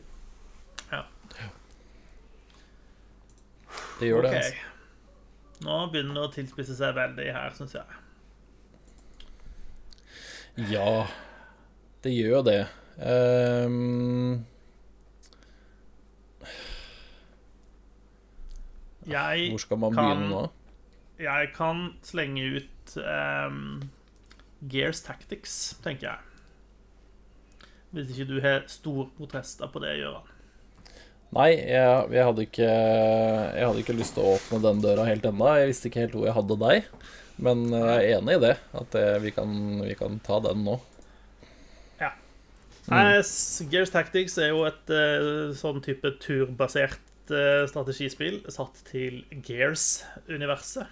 Um, og de, de klarer på en måte å ta den sjangeren og gjøre det til noe, noe litt eget. Det, det er ikke en XCOM-klone, som så veldig mange andre spill i den sjangeren er. Ehm, de har valgt å gå vekk ifra den litt sånn eh, litt sånn fi firkanta rutenettet og litt sånn veldig eh, Ja, veldig satte eh, oppsettet, på en måte, som, som XCOM har, og prøvd å liksom gjøre ting noe mer flytende, da, og det lykkes de ganske bra med. Jeg syns den biten egentlig hvor du flytter rundt på folkene dine Måten hele combaten fungerer på, syns jeg egentlig er veldig bra i det spillet. Eh, og flyten er veldig god. Ehm, det som det som trekker spillet ned, holder det tilbake for min del, er egentlig alt rundt sjølve altså den, biten, egentlig. Eh, For, for de har låst spillet i et sånn slags eh, oppdrags... Eh, altså, du spiller gjennom en kampanje som er oppdragsbasert. Men det er ikke noen god sammenheng mellom oppdragene. Og så er det sånn det er liksom så veldig tydelig definert at dette er et historieoppdrag. Ok, Så spiller du det, og det er ganske bra, og det er interessante karakterer, og det er OK. Og så får du bare vite at nå må du gjøre fem andre oppdrag før du får lov til å spille neste eh, historieoppdrag. Og de oppdragene er så random og s- tidvis så rare og så usammenhengende fra alt annet at det gir liksom ikke noen, noen mening i kampanjen du spiller. Det er ingen grunn til at du skal gå og gjøre disse. Og noen av de kan på en måte isolert sett være en artig utfordring. Det er sånn type OK, du skal gå til en plass, og så må du holde to punkter mens det er bølger med fiender som kommer mot deg. Og når du bare har holdt ut så lenge, så har du vunnet. Eh, og det kan være en interessant utfordring i seg sjøl, men, men det gir ikke noen mening i kampanjen du spiller. Eh, og da er det heller ikke noen krav om at Men nå må du faktisk få folkene dine ut, da. Så selv om disse folkene dine da har klart å holde den plassen i ti runder, så er de nå så omringa at, at hadde du spilt videre, så hadde de kommet til å dø. Men det betyr ingenting for spillet, fordi du klarte ti runder, oppdraget er ferdig, ha det bra. Eh, og det er gjort en del sånne ting som bare gjør at det ikke henger, henger sammen på en god måte. Og så er det i tillegg et, eh, et system for, eh, altså for utstyr og oppgradering av utstyr og sånn som, som er ræva, rett og slett. Eh, der du i f.eks. XCOM da forsker frem nye ting og liksom kontinuerlig oppgraderer folkene dine med nye ting, så er de i Gears valgt å gå for litt, sånn, litt mer sånn den type Diablo-aktig stilen, hvor du får sånn random drops hele veien. Eh, og menysystemet alt er så knotete at det å klare å finne ut av hva pokker var det egentlig jeg fikk på det forrige oppdraget, og er den egentlig noe bedre eller dårligere enn det jeg hadde, det er så knotete at jeg, jeg velger å ikke gjøre det når jeg spiller det. Altså Jeg bare samler opp masse masse drit liggende og velger å ikke sette det på folkene mine fordi det er for mye styr, rett og slett. Så det er, der er for, det, som, det kunne vært et bra spill, men det er for mange ting som holder det tilbake til at det, det når opp for, for min del, altså. Ja, jeg er enig med det.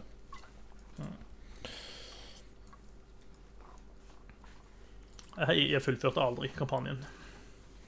Nei. Det ble, ble for mange teite ting du måtte gjøre imellom historieoppdragene. Og det, det er dumt. For det var mye kult der også. Bort med seg. Bort med seg. Oi, oi, oi. Nå begynner vi å, nå begynner vi å nærme oss. Eh, Håvard, Ja hvor bra er egentlig Tony Hawk 1 og 2? Uh, Det er jo like bra som uh, Tony Hawk uh, på Skater 2 var eh, for eh, 20 år siden. Det er helt OK, da. Du syk i hodet? Det er bare det Åh. nest høyest rangerte spillet på Metacritic fortsatt. Men det er en Eh. remake, da. Ja, det er en remake, da. Men da tar vi ut uh, Final Fantasy også, da. Ja, De gjør vel såpass store endringer i Final Fantasy da, at jeg veit ikke helt, jeg. Nei, jeg veit ikke. Jeg, jeg, ville bare, jeg ville bare lodde stemninga litt. Nei, jeg kan se hvorfor vi tar ut uh, Vil ta bort Tony Hawk. Um, uh, det er et helt nydelig Tony Hawk-spill. Det er Det føles For det har vært problemet med Tony Hawks-serien i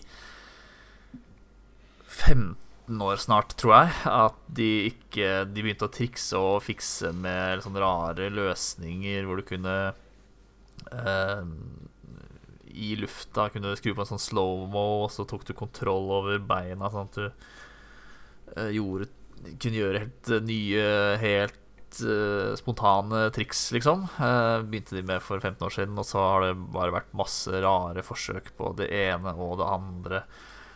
eh, uten å få til noen ting som helst. Så de har Men med, den, med det som kom i fjor, da, én og to HD Nei, hva heter det? Nei, samme det. Det Der har de bare gått tilbake til røttene, og det føles nesten nøyaktig sånn som de gamle Tony Hawk-spillene gjorde. Da Tony Hawk var uh, kongen på Også på de virtuell skating, da. Um, så fortsett med det hvis dere hører på. I Vicarious Vision så er det ikke de som sto for utviklinga. Um, så lag gjerne mer. Uh, og de kan godt De trenger ikke liksom bare remake uh, gå videre nå og remake Tony Hawk's Pro Skater 3, som jeg håper veldig at dere gjør. Um, men de kan også eh, lage nye, sånn som de gjorde med Tonox Hawk's eh, Underground og den type ting. Bare spillet må, må føles sånn. Ja. Uh, ikke, ikke endre på akkurat det, men bygg gjerne nye brett og finn på nye oppdrag og lag historiemodus og sånt. Bare behold kjernen. Det er, det er helt riktig. Fortsett. Mm. Eh, men vi kan godt ta den ut. Er det spillet på din liste i år, Håvard? Det er det.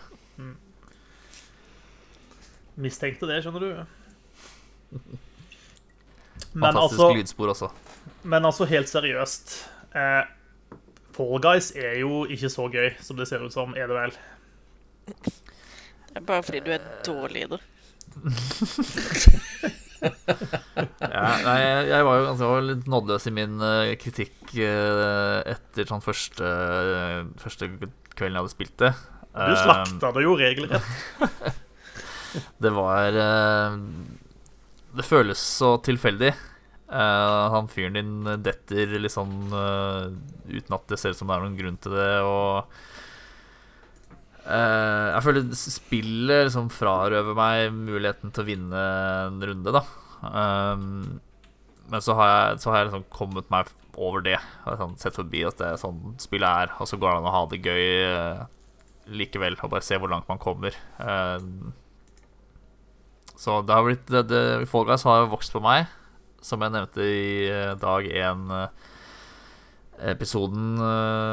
så har det jo masse morsomme mye morsom humor eh, det der. Big Gitus og Ringus Dingus som navn på På hindre og sånn. Um, men eh, de klarte liksom ikke å holde det momentumet. Among us dukka jo opp eh, fra de døde og tok over alt rampelys. Um, og etter det så Ja, det dukka opp mye mindre og mindre liksom i Twitter-feeden min. Og Så jeg vet liksom ikke helt hva, sånn, hva er status for Fall Guys akkurat nå. Jeg tror de er midt i sesong tre, så de, de driver vel på, men det skal være gøy å se hvor stor spillebase de liksom, Den grafen er nok ganske bratt etter at Among us dukka opp, vil jeg tro. Mm. Ja. Men uh, jeg ser jo her at det er mange sp Mange spill som også fortjener en plass uh, høyt opp. Uh, så jeg kan eh, være med på at Fall Guys kuttes, hvis ikke det er noen sterke protester fra noen andre. Altså, jeg syns jo Fall Guys er veldig gøy. Eh, Mm. Men det er gøy. Det er ikke nødvendigvis bra. Og det Mm. kommer litt an på hva slags kriterier vi måler årets spill etter, på en måte. Det velger du selv, det. Ja ja, men uh, da Og så er det er noen av game modesene som er betydelig mye morsommere enn andre også. Ja. Så må du liksom Du må være litt heldig med hvilke game modes du får for at et, et uh, run skal være Skal være, føles gøy, da. Syns jeg. Altså, det har jo absolutt gjort en god jobb for å samle folk og gi folk noe å gjøre i disse lockdown-tider. Det er det. Mm. Eh, og jeg absolutt, faller absolutt under den sosiale spill-paraplyen som ble årets, eh, årets ting. Eh, så den har jo allerede vunnet, på sett og vis. Ja. årets, årets community, eh, det hadde gått til Fall Guys. eh, Ja, lett. Ja, der var de gode. Mm. Der var de gode, altså. Der har de gjort mye riktig. Men årets spill maybe not.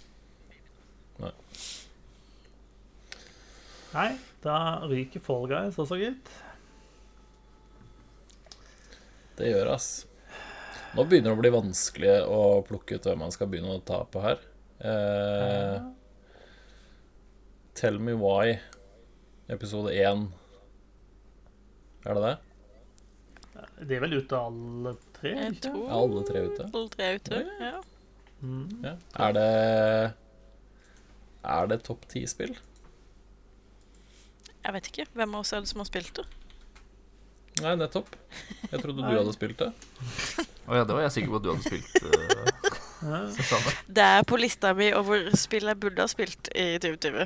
eh, Men som Ja. oh, Åh, Det var deilig å få en sånn lett en nå, for nå syns jeg det begynte å bli så vanskelig. Det, det, var, det, det er tema for en episode spill vi burde spilt i 2020. Åh, Det- men altså- da kan vi jo bare fortsette. Jeg har snakka en del om det, det har jeg. Men jeg har faktisk ikke Mm. fått satt meg ned og spilt det. Spilte dustete Twin Mirror i stedet. Å, herregud. Det gikk jo bare rett inn og rett ut av lista. Ja, ja. Letteste valget valg noensinne. Men det betyr at vi har 15 igjen på lista, det. Det gjør det. Uh, nå sitter jeg og ser på Spiderman Miles Morales, for det er det ikke kjempemange som har spilt uh, i gjengen. Nei. Nei, og med kjempemange så mener du vel at det er kun jeg som har spilt det? Det er det jeg prøver å sikte til. Ja. Uh, ja, vi kan godt uh, uh, Altså, Spiderman Miles Morales er Det er mer av Spiderman sånn, sånn som alle kjenner det. Uh, det er ikke Det er ikke nøyaktig det samme spillet, det er feil å si det, men det er, det er allikevel det. Det er den samme strukturen, altså det Du svinger deg på samme måte. Kampsystemet er likt, men det er altså utvida med litt nye Altså, han Miles har litt andre evner i tillegg eh, å bruke. Men Og så syns jeg Og det er en, de har en bra historie. Jeg syns eh, alle figurene egentlig altså bra i Miles Morales. Jeg liker Det er ikke noe gærent med det spillet i det hele tatt. Og jeg syns det eh, ekstra pluss i boka er at du kan skaffe deg eh, Du kan få den drakta fra Into the Spider-Verse, og når du bruker den, så har de animert Miles sånn som han er i filmen. Eh, med akkurat den samme type som eh, Han har ikke like mye frames som alle andre, f.eks., så han får den samme sånn hakkete greia. Og det er ekstra pluss i boka akkurat der.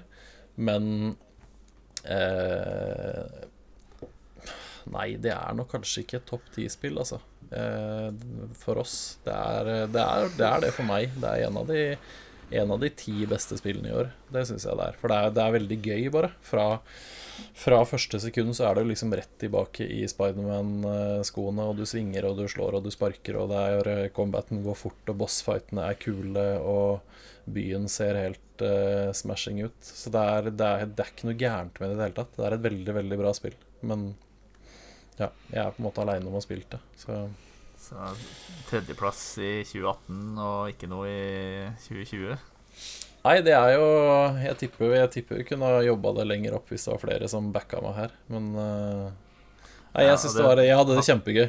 Jeg syns, syns det var eh, det er, det, er, det er like bra som det andre. Det er litt mindre, litt mer konsentrert, men samtidig kanskje Kanskje litt bedre story, eller Miles Muller, Miles er litt Han er en litt kulere lead, kanskje. Men da høres det jo ut Ja. som det fortjener en plass på topp ti-lista. Ja, det er jo det hos meg, da. Det syns jeg, i hvert fall. Så- Ja. Men igjen, hvis de stort sett reproduserer det Spiderman var, Mm. med bare bitte lite grann tweaks, så, så kan man jo stille spørsmål med om det hører hjemme på topp ti, syns jeg. da Ja, nei, altså Men- Ja, jeg, jeg som sagt, jeg syns det er et av de ti beste spillene i år, jeg, men øh, øh, Det er det. Det er mer Jeg har på. Jeg har på følelsen at jeg hadde nok backa deg hvis jeg hadde spilt det. Men jeg ja, samme her. boikotta jo, jo PlayStation 4-maskina mi for en stund tilbake.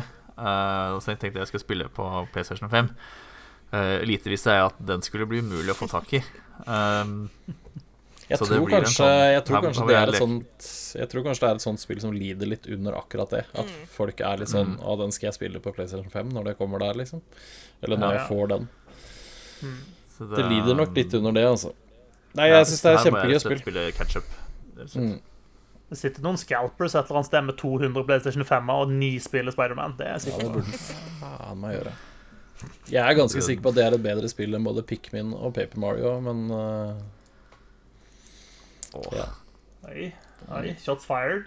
Ja, ja. Vi, vi- er Det der er nå. shots fired for Pikmin 3. Det er bra, ass. Men Men, så er det men den Paper der Mario ikke er bra, altså, er det du Jo, sier? pe- det var ikke det jeg sa. Uh, begge de er bra. Ja. Men jeg, jeg, hvor, nå- hvor, hvilken vei går uh, diskusjonen nå? Nå konkluderte vi noe med Spiderman. Nei, vi gjorde ikke det. Jeg trodde vi hadde det, men vi hadde ikke det. Nei, hvis, jeg, jeg har lyst til å høre da hvor, eh, hvor bra du mener at de to spillene er, for det er det bare du som har spilt. Det er kun du som har vært innom de to spillene. Mm. Er det liksom ja. Super Mario Odyssey og Zelda er bra? Det er det veldig lite som er, da. Ja. Um, Pikmin 3 er um, eh, Er helt er, er innmari prøver å finne hvilket ord skal jeg bruke først. Eh, det er helt uh, sjukt koselig. Um, og veldig, veldig moro. Litt sånn, det blander ganske mye både litt eventyr og litt strategi og uh, litt sånn barnehagesimulator. Med at du passer på alle disse pikminene. Um, eh, jeg syns de er veldig flinke til å um, variere på gåter og på fiender. Og man bruker forskjellige taktikker på forskjellige fiender. Og, men først og fremst så er det bare et kjempe Det er bare superkoselig, liksom, å løpe rundt i en uh, forvokst hage og uh, lete etter frukt. Um, altså det er liksom litt vanskelig å beskrive det utover det. Jeg bare storkoste meg eh, noe grassat da jeg spilte det for andre gang. Så det er kanskje noe som taler imot det, da. At dette er jo en Det Er jo bare en deluxe-utgave av et spill som kom på Wii U for Er det så mye som er det fem, åtte, sju-åtte år siden, eller noe sånt? 2013. 2013, ja. Uh, men nei, det siste er veldig gøy liksom, å sjonglere mellom de tre uh, Man har jo tre hovedfigurer som kan ta over litt av uh, Litt av Pikmin-armeen hver, og så sjonglere og være så tidseffektiv som mulig er er veldig gøy, da. En sånn dag i in game-dag går, går innmari fort når man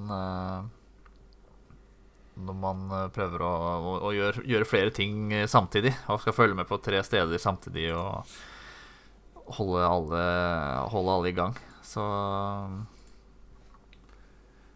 Men, Så men, er, men er det i praksis bare liksom en oppussa versjon av uh, Pikmin 3? Ja, det er jo det det er. At du får med litt sånn eh, DLC som kom eh, med litt ekstra innhold og sånn.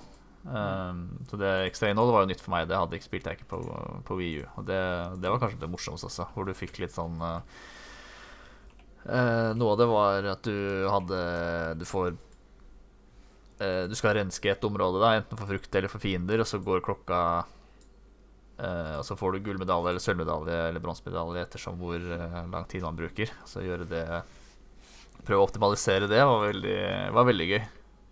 Mm. Um, men ja, det spørs hvor strenge vi skal være på litt sånn eh, remake-kjøret, da. Ja, for da ryker vel Final Fantasy 7-remaken med en gang. Så skal være strenge. Ja, Det blir jo litt sånn Jeg veit ikke helt hvor vi skal sette den grensa, for jeg syns det er rart å skulle utelate Final Fantasy 7 fra, fra 2020 og våre spill. Er det fordi du har det på lista di? Vi hadde jo The Legend of Zelda Links Awakening på lista i fjor. Ja, det var jo sånn, sånn oppussing uh, ja men det er allikevel Det er såpass og sånn. Det er ganske det er mye oppussa, da.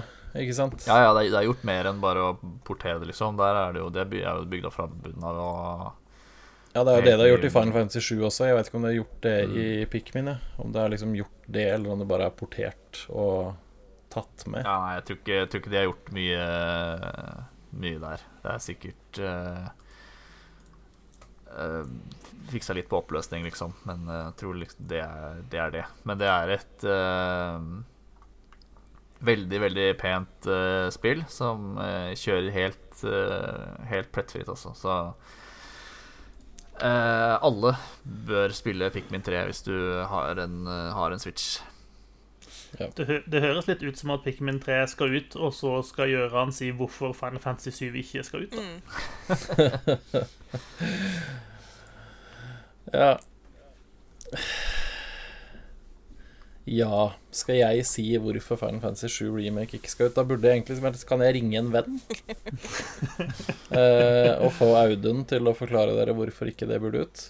Nei, altså, jeg syns eh, Jeg har ikke noe jeg har ikke noe kjempeforhold til Final Fantasy 7 fra, fra gammelt av. Jeg husker jeg har spilt det, men jeg har aldri runda det. Jeg har aldri liksom vært sånn Å, oh, shit, det er det beste spillet jeg noen gang har spilt. Jeg husker det var gøy, det jeg gjorde, men jeg ble aldri ferdig med det.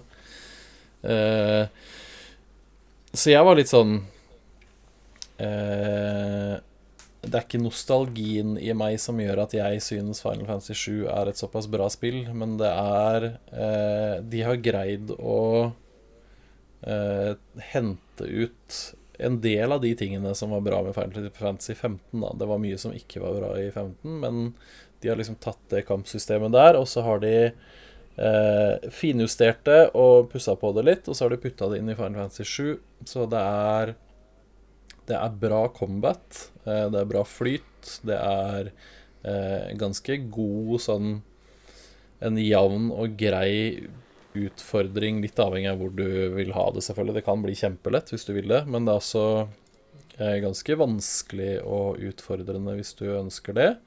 Eh, det er en bra miks av vanlig sånn type slå med sverdet ditt og gjøre kule angrep, og bytte til magi, eller gjøre sånne limit breaks, eller jeg husker ikke helt hva de heter i, i det spillet. Eh, og og så kan du samle sammen utstyr, samme type rollespill. Du kan oppgradere våpnene dine så de eh, blir bedre. Du bygger på en måte Du kan bygge litt mer sånn eh, at, eh, at, den figuren skal gjøre mer skade, den figuren skal gjøre mer magi, den figuren skal tåle mye mer eh, sånn. Og så er det Jeg syns det, det, er mye bra og mye kule rollefigurer, og så er det en veldig bra historie. Det er en veldig veldig velskrevet historie. Det er kjempebra stemmeskuespill. Jeg syns det er en bra flyt i historien hele veien. Og så er det litt yes, det er et eller annet med å, eh, å, å spille de spillene der det er liksom ikke Altså, det er, så, det er så stort, da. Det er liksom ikke Det er ikke en liten sånn 'Hei, du skal redde denne landsbyen'. Det er liksom hele verden. Det er, det er liksom en sånn erketypisk sånn Final Fantasy. Hvis ikke du gjør dette, så går hele verden under. Og det, det, var litt sånn Det er ikke unikt for Final Fantasy, jeg skjønner det, men uh, jeg syns det er veldig lite Det er veldig lite i Final Fantasy jeg har å utsette på det. Jeg syns de liksom greier å naile veldig mye av det. Så er det selvfølgelig fryktelig, fryktelig bra musikk i spillet. Det ser veldig, veldig bra ut. Selv på en ikke-ny PlayStation så ser det ser det kjempebra ut, både i kamp og, og utenfor. Så mm, nei, jeg har, hatt, jeg har, hatt, det veldig veldig gøy med Final Fantasy 7. Veldig mye mer gøy egentlig enn det jeg hadde trodd at jeg skulle ha, for jeg har som sagt ikke noe særlig forhold til det forrige spillet, og jeg visste ikke alt som kom til å skje heller i denne første delen. Så det er eh, Ja. Nei, det er, det er et veldig, veldig bra spill, rett og slett. Fra start mm. til slutt. Uh, noen ting her og der kan man selvfølgelig plukke på det. At det er noen partier som er litt sånn seige. Eh, noen litt, litt, stereotypiske figurer, kanskje, men det hører liksom med i et sånt spill. Noen eh, områder og teksturer som kanskje ikke ser like bra ut som resten, men sånn totalt sett så er det Det er et veldig, veldig bra spill. Bedre enn Spiderman? Ja. ja. Det er det.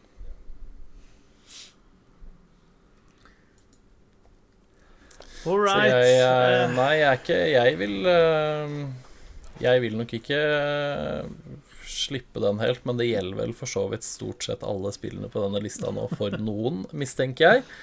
Så Men jeg syns Ja. Square Enix har virkelig De har levd opp til hypen da, rundt Final Fantasy 7, og det syns jeg sier ganske mye. Ja, det var ikke en lett oppgave. Det er sikkert visst. Eh, skal vi prate litt om Ori and the Will of the Wisps? Det kan vi godt. Ja. Er det også meg, eller? Jeg har spilt, eh, spilt eh, litt. Ja. Eh, og, og, og grunnen til at jeg bare har spilt det litt, er jo ene og alene fordi jeg Jeg liker jo ikke den sjangeren, rett og slett.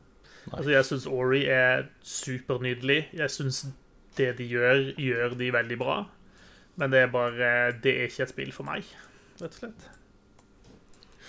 Nei. Um, altså, jo det, Hva kan man si om Oran og Ispa? Det det er et kjempebra av den type spill. Det er veldig, veldig bra. De gjør igjen, da. Eh, det er en oppfølger. Det er, du går rett inn i liksom Sånn som det første spillet var. Det er veldig velkjent fysikk og, og liksom plattforming og sånn. Det er ikke noe Det er ikke noe nytt sånn. Eh, men det virker som de bare har typ plussa på én på det neste spillet. At det, det ser litt penere ut. Områdene er litt mer sånn detaljerte. Det skjer litt mer i bakgrunnen. Eh, altså, det ser jo helt sjukt ut. Det, det vet jo alle, at eh, de, de spillene er pene. Og så er det veldig veldig fin musikk, og så er det Det er, det er skikkelig bra plattforming, liksom. Den er, den er ordentlig tight, og den er eh, kontrollert, og den er akkurat passe vanskelig til at det er en del ting som du ikke greier på første forsøk. Eh, også en sånn eh, god balanse mellom eh, bare det å hoppe rundt og prøve å finne vei og slåss mot noen fiender, og innimellom så får du noen bossfighter også. Så det er Ja. det, er et, det er et kjempebra spill. Jeg tror, ikke, jeg tror kanskje vi kan ta det bort. Jeg tror ikke det kommer på topplista vår i år, men uh, steike ta, det er et bra spill, altså. Mm. Det det er liksom ikke noe gærent der i det hele tatt, syns jeg. Det er eh, det de gjør, det gjør de veldig, veldig bra fra start til slutt, men ja. Mm. Jeg tror vi kan ta det bort, dessverre. Det ryker Ori. Det er rart at Håvard ikke spiller det spillet der, syns jeg. Ja, du er helt enig. Eh, plattformspill er jo akkurat min uh, bakgate. Eh, og ord i Begge ord i spillene, for så vidt, har jo fått masse skryt. Så jeg ser det hver gang innom i, i GamePass og scroller, så dukker det alltid opp. Og så stirrer jeg tomt på skjermen, så neste gang sukker jeg. Neste gang. Ja. Jeg vet ikke hvordan vi Hvordan rata vi det, det forrige Ori-spillet? Nådde det opp i vår eh, i Jeg er ikke vår, sikker på om du det gjorde det, altså. Nei, jeg tror kanskje ikke det Ikke når det. kom engang. Nei, og det het, det het Ori and the Blind Forest. Mm. Eh, Det var i 2015. Faktisk så forbanna lenge siden. Jesus. Ja, da kom det faktisk ikke opp. Nei. Nei, det gjorde ikke det. Nei, sånn kan det gå. Sånn kan det gå. Eh, Sånn kan det gå. Ja, vi, Ja, står jeg- igjen, um, vi står igjen med følgende spill. Animal Crossing New Horizon, Assassin's Creed Valhalla, Crusader Kings 3, Cyberpunk 2077, Doom Eternal, Final Fantasy 7 Remake, Ghost of Tsushima, Hades, Paper Mario The Origami King, Spider-Man Miles Morales, Spirit Fair, The Last of Us Part 2 og Wasteland 3.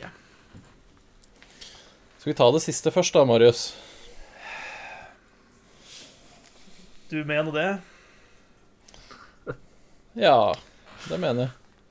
Ja. Du mener at vi skal prate om Wasteland 3? Ja, jeg tenker vi det Vi kan prate om Wasteland 3. Ja. Um, det er et bedre spill enn Spirit Fair. Det kan jeg starte med å innlede med. Wow. Går rett i angrep. Eh, rett i angrep. Det er det beste forsvar. Eh, ja, jeg syns eh, Altså, Wasteland 3 er jo definitivt det beste spillet i sin sjanger i år. Eh, og de har klart det som en del andre serier sliter med, at de, de, eh, de blir bedre for hver utgave. Uh, Wasteland 3 er et betydelig bedre spill enn det Wasteland 2 var. Uh, de har naila mekanikkene sine mye bedre. Uh, de har klart å eh, ta ned det litt sånn uoversiktlige skill-systemet sitt eh, og koke det ned til noe som eh, som nå er mye mer anvendelig enn det det tidligere var. Eh, de har klart å balansere ut den sære humoren eh, som den serien der er prega av. Eh, for de gjør på en måte Eller de forsøker hele tiden å gjøre den litt den samme balansegangen som, som det Fallout driver på med. Nettopp det med å drive og veksle mellom at ting er morsomt og ting er helt for jævlig. Eh, og ofte er det enten-eller, på en måte. Eh, og det klarer de bra. Og jeg syns at de har klart å tippe på en måte den skalaen godt i år, da. Der det tidligere har vært litt sånn følelse av at ja da, verden er kjipt sted, og sånt, men jeg er jo rundt og har det gøy. Så har de nå på en måte klart å få litt mer tyngde inn i verdenen, sånn at nå føles ting mer alvorlig. Og så bruker man heller humoren for å på en måte lette på trykket innimellom, istedenfor at det er motsatt, som, som jeg syns ikke fungerte så bra tidligere. da.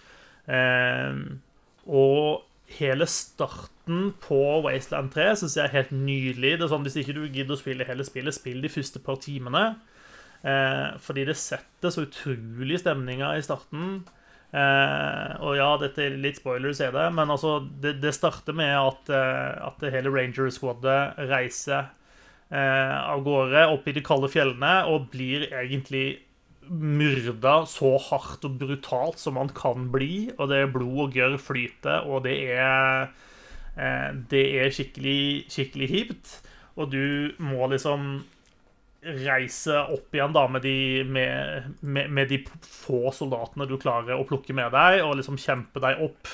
Eh, og så kombinerer de på en måte dette litt sånn episke med en helt fantastisk musikkbruk som de gjør inni kampene, som med det som jeg tror er originalmusikk til spillet, eh, som, som også klarer utrolig godt den balansegangen mellom dette er litt morsomt, og samtidig så er det ganske seriøst. Eh, og nei, jeg syns de gjør veldig mye bra i Wasteland 3. De har fått på plass et basebyggingssystem som fungerer bra. Det gir deg på en måte en det knytter godt sammen de ulike sideoppdragene dine med at du hele tiden kan få oppgraderinger til basen din.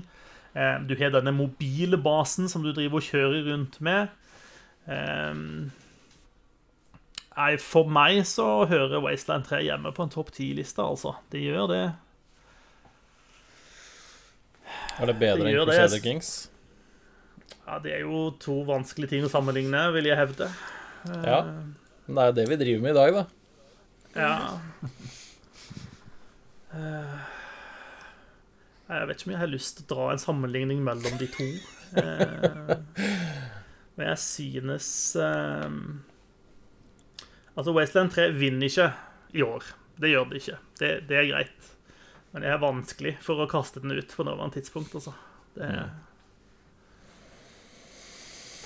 Ja. Mm. Og igjen jeg har vanskelig for å se at Spirit Fair eh, skal nå opp på denne lista. Til tross for at det er søtt og hyggelig. Eh, ja vel. Du om det. ja. Susanne, er det, tenker du at det er et av de beste spillene i år? Uh, ja, egentlig så gjør jeg det. Altså For min del så fyller det på veldig mange måter det samme skoene som eh, Gris gjorde i sin tid. Ja, det er et hyggelig og, og, søtt spill med søte karakterer og fin soundtrack, og du kan drive og pusle og styre og herje rundt på egen hånd. Men som vi snakka om i går, det har denne klemmefunksjonen som har vært eh, superviktig eh, den siste tida. Men uh, den tar også for seg uh, sorg, på samme måte som Gris gjorde. og i en tid hvor folk mister familiemedlemmer og ikke kan dra i begravelser pga. korona, så tenker jeg at et spill som eh, som Spiritfarer, da, hvor du på en måte geleider avdøde sjeler til etterlivet, eh, kan ha en viktig eh, innvirkning på folks mentale helse, da, spesielt hvis de har mista folk i denne perioden og ikke kunnet dra i begravelse og ta farvel. Eh, så derfor eh, syns jeg Spiritfarer absolutt hører hjemme på topp ti-lista. Eh, ja, det er et lite spill, det er et indiespill. Det liksom, det er ikke veldig fancy, det er ikke mye fanfare. Det har ikke veldig mange avanserte mekanikker. Men eh, det det bidrar med på andre vis, da er såpass viktig at eh, jeg syns det veier opp for eh, mangelen på pizzazz, da. Og tyngde, Mm. kanskje. Ja. Det er i hvert fall uh, sånn jeg tenker. Ja, nei, jeg ikke Jeg syns uh, Jeg vil heller ha med Spiritfarer uh, enn f.eks. Wasteland, da. Jeg har spilt Nå har ikke jeg spilt nok Altså Jeg har spilt meg gjennom den første tiden i, i Wasteland 3, sånn type to-tre timer. Eh, jeg liker Spiritfarer bedre, og jeg syns også Crusader Kings 3 er mer verdig en plass på den lista enn The Wasteland er. Men Det er jo Det er min mening, da. Ja. ja, nå begynner det å bytte skikkelig mot eh, på hvem som skal ut, da. Hvor mange vi har igjen? 2, 3, 4, 5, 6, 7, 8, 9, 10, 11, 12, 13. Så det er tre spill da som må ut av topp 10 nå. Åh. Bare sånn for Ja. å holde den gjetteleken gående, da, så er det vel lav odds på at du har Wasteland og Crusader Kings på din liste, Marius. Det er riktig. Jeg tipper Susanne har spilt Fair. Ja. Ja. Eh, skal jeg kaste ut en som er litt sånn eh, vanskelig, kanskje, da? Eh, hvor høyt oppe skal egentlig Doom Eternal være? Nesten helt, Og da spør jeg egentlig, da spør jeg egentlig Susanne. nesten helt på toppen, men ikke helt. Ja, takk, nå gjorde du det så mye lettere. Jeg tenkte jeg skulle gi lite sånn Ja. Ja, men hvor bra er Paper Mario, da? Er det et topp 10-spill, liksom? Nei. Å ja, dette visste du mye om, uh, Gøran. Et eller annet sted må det begynne. Det er tre spill som skal ut før vi skal begynne å rangere det her. Herregud. Det var vanskelig. Er liksom, tenker du at Paper Mario er et sånt Er det bedre enn de tolv andre spillene på lista her? Uh, jeg syns jo Pikmin 3 er bedre enn Paper Mario. Ja, og Pikmin 3 Men har jo ryket. men, ja, men det ble lagt i 2013, så det, Ja. det er også litt av grunnen til at det røyk ut, da, tenker jeg. Ja. Ehm, jeg syns Paper Mario eh, var uh, veldig gøy. Um, som vi snakka om i forrige Forrige episode med Dag 1-kåringene, så er det ehm, masse Masse gode vitser og masse sånn vitser sånn mye utforskning da man kan gjøre i det spillet, og man finner litt sånn morsomme ting eh, overalt. Og sånn toads som er bretta sammen under en stein, og så havna i trøbbel på forskjellige måter. Um, ganske fin historie, vil jeg si. Altså, de vet liksom hvilke strenger de skal trekke i. Uh, både lystige og triste strenger, for så vidt. Um,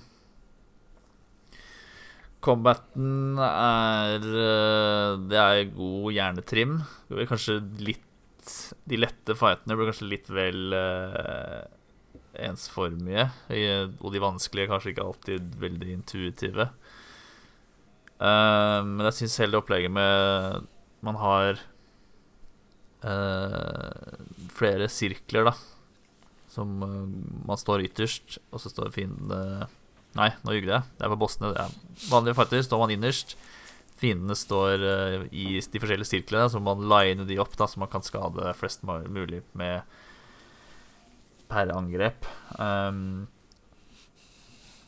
så, men så er det sånn Det er fin uh, Nei, eller ja, progresjonen i vanskelighetsgrad sånn er eh, heller ikke sånn veldig der, da. Det ble ikke mangel på Ikke mangel på penger for å kjøpe seg de kraftigste våpnene som han som aldri Uh, Og jeg gikk i hvert fall aldri tom for sopper så man kan få tilbake liv utenfor kamper og i kamper, for den saks skyld. Jeg brukte aldri hjelpemidler utover de våpnene man har. Um, men jeg syns det var veldig sånn engasjerende. De er flinke til å variere sånn områdene, og man kommer til nye steder med Som eh, Man er, man, er på, man er på havet, og man er i fjellet, og man er i en sånn Typisk sånn gammel japansk landsby, sånn som man ser på film, med papirvegger og høye, spisse tårn og Så det, det er et spill jeg uh, koste meg veldig mye med. Det høres ut som de har gjort mer nytt i Paper Mario-serien enn de har gjort i Spiderman-serien, f.eks. Ja Nei, eh, det, kan nok eh, Det kan nok være at uh, Spiderman er et av de spillene som ikke er på lista her, altså. Det kan godt hende det. Det rett og slett faller for eh, flertallet. Det kan godt hende. Men Jeg- uh, Marius, skal vi, skal vi ta Cyberpunk først som sist? Åh, har du, du en time eller to liggende, eller? Nei, det er liksom Jeg føler vi nesten må, må noe sånt til. Ja, hvor, hvor skal vi starte hen når vi skal liksom prate om og vurdere eh, Cyberpunk 2077? Ja, den, uh, den syns jeg er vanskelig, jeg òg. Vi har ikke prata om Cyberpunk sånn eh, enda. Eh, for jeg også jeg, Vi har jo snakka om det et par, par dager nå, at jeg har liksom rusha litt for å prøve å bli ferdig. Jeg har spurt deg litt om eh, progresjon og sånn, og så tenkte jeg i dag så må jeg bare hoppe i det.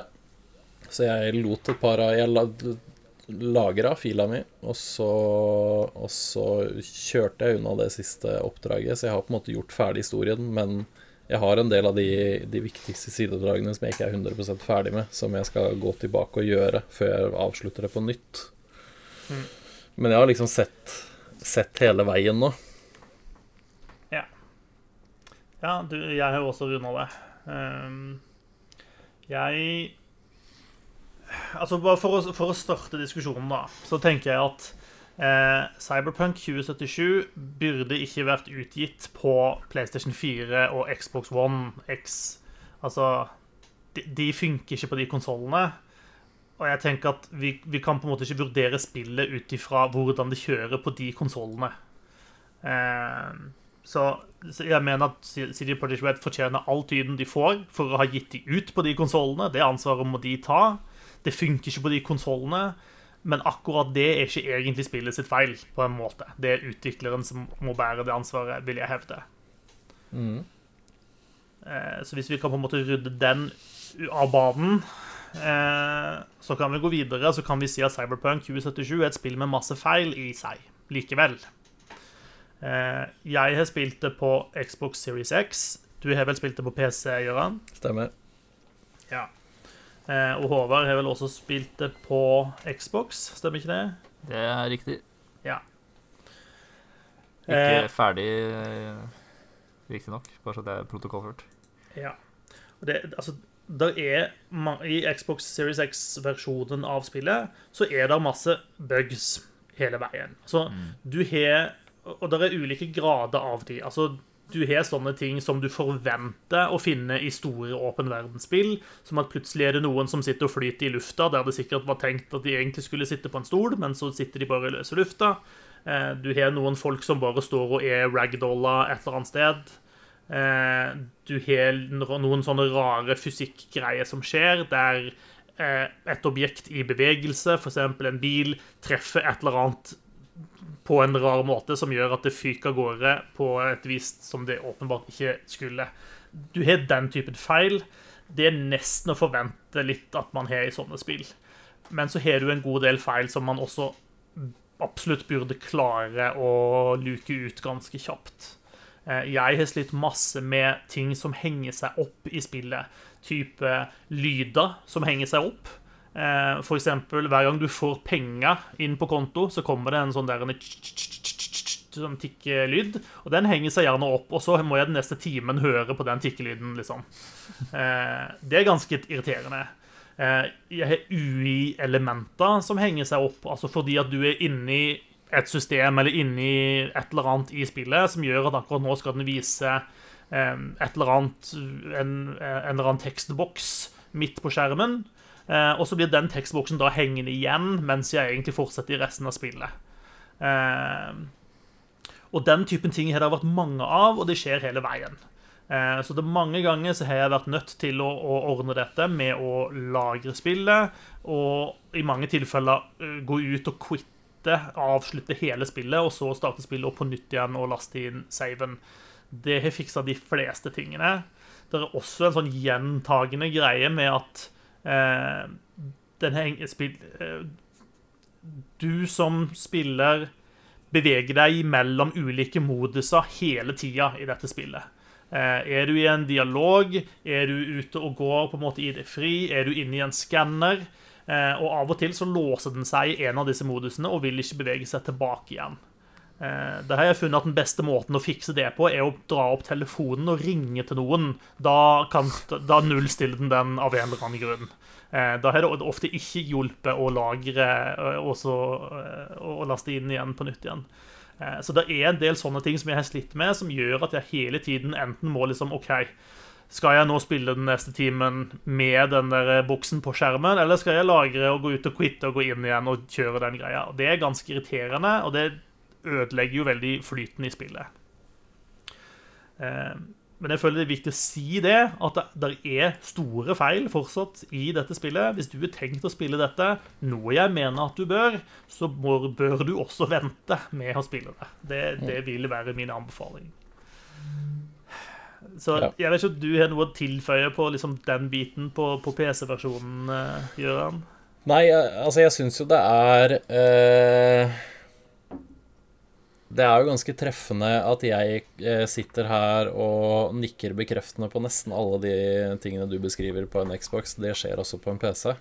Uh, um, og én ting som også Som ikke du nevnte nå, men som også har skjedd eh, alt altfor ofte for min del, er at uh, en del av de viktigste figurene når du prater med dem, så er det overhodet ingen animasjon på dem. Altså Ansiktet deres er helt stivt. Det er, ikke, det er ikke noen lepper som beveger seg. Det er ingenting, selv om en dialog går. Og dette kan være i en cutscene, til og med.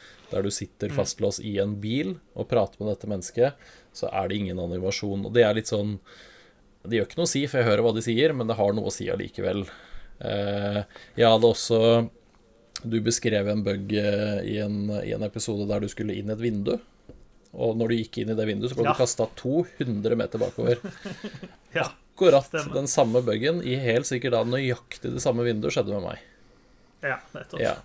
Så det er jo noen graverende feil i det spillet her som ødelegger total totalopplevelsen. Det er klart det gjør det. Man, du greier helt fint å komme deg gjennom spillet og, og gjøre det sånn, men det er det er, det, er ikke, det er ikke et ferdig spill. Det burde ikke vært sluppet i det store og det hele. Egentlig. Nei. Det er vesentlig dårligere enn enn f.eks. Witcher 3, da, når det kom. Eh, altså dårligere sånn Altså, det er mer feil, da. Det er mye mer bugs i dette spillet. Det er Så Ja. For det er nettopp det at noen typer bugs og en viss mengde bugs kan du på en måte se gjennom fingrene med når du spiller, men her blir det så mange av de at eh, bare kvantiteten av feil gjør at eh, du blir så forstyrra i spillopplevelsen at det trekker ned helhetsopplevelsen. da. Det gjør. Ja, det gjør faktisk det, selv om det egentlig ikke er bugs som har noe å si. Altså, det stopper ikke progresjonen. Jo da, det har jo det også. Det er jo flere bugs her som gjør at du faktisk ikke får spilt spillet videre. Heldigvis har jo ikke vi truffet på noen av de her.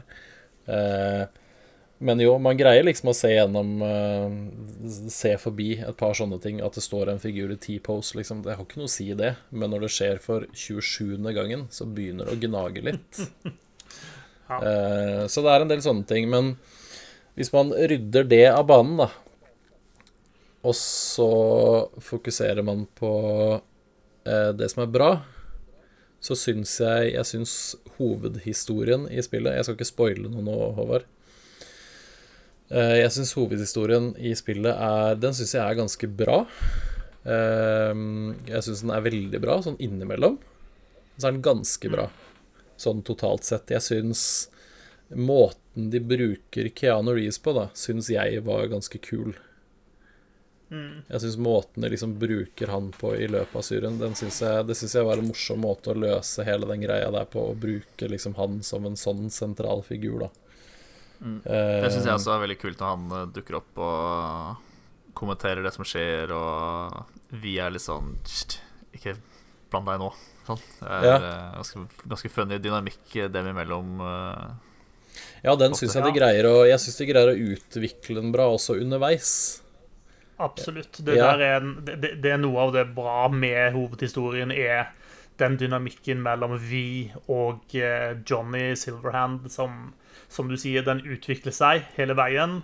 Og eh, min opplevelse i hvert fall er at jeg som spiller har litt den samme på en måte reisen som vi hadde. da.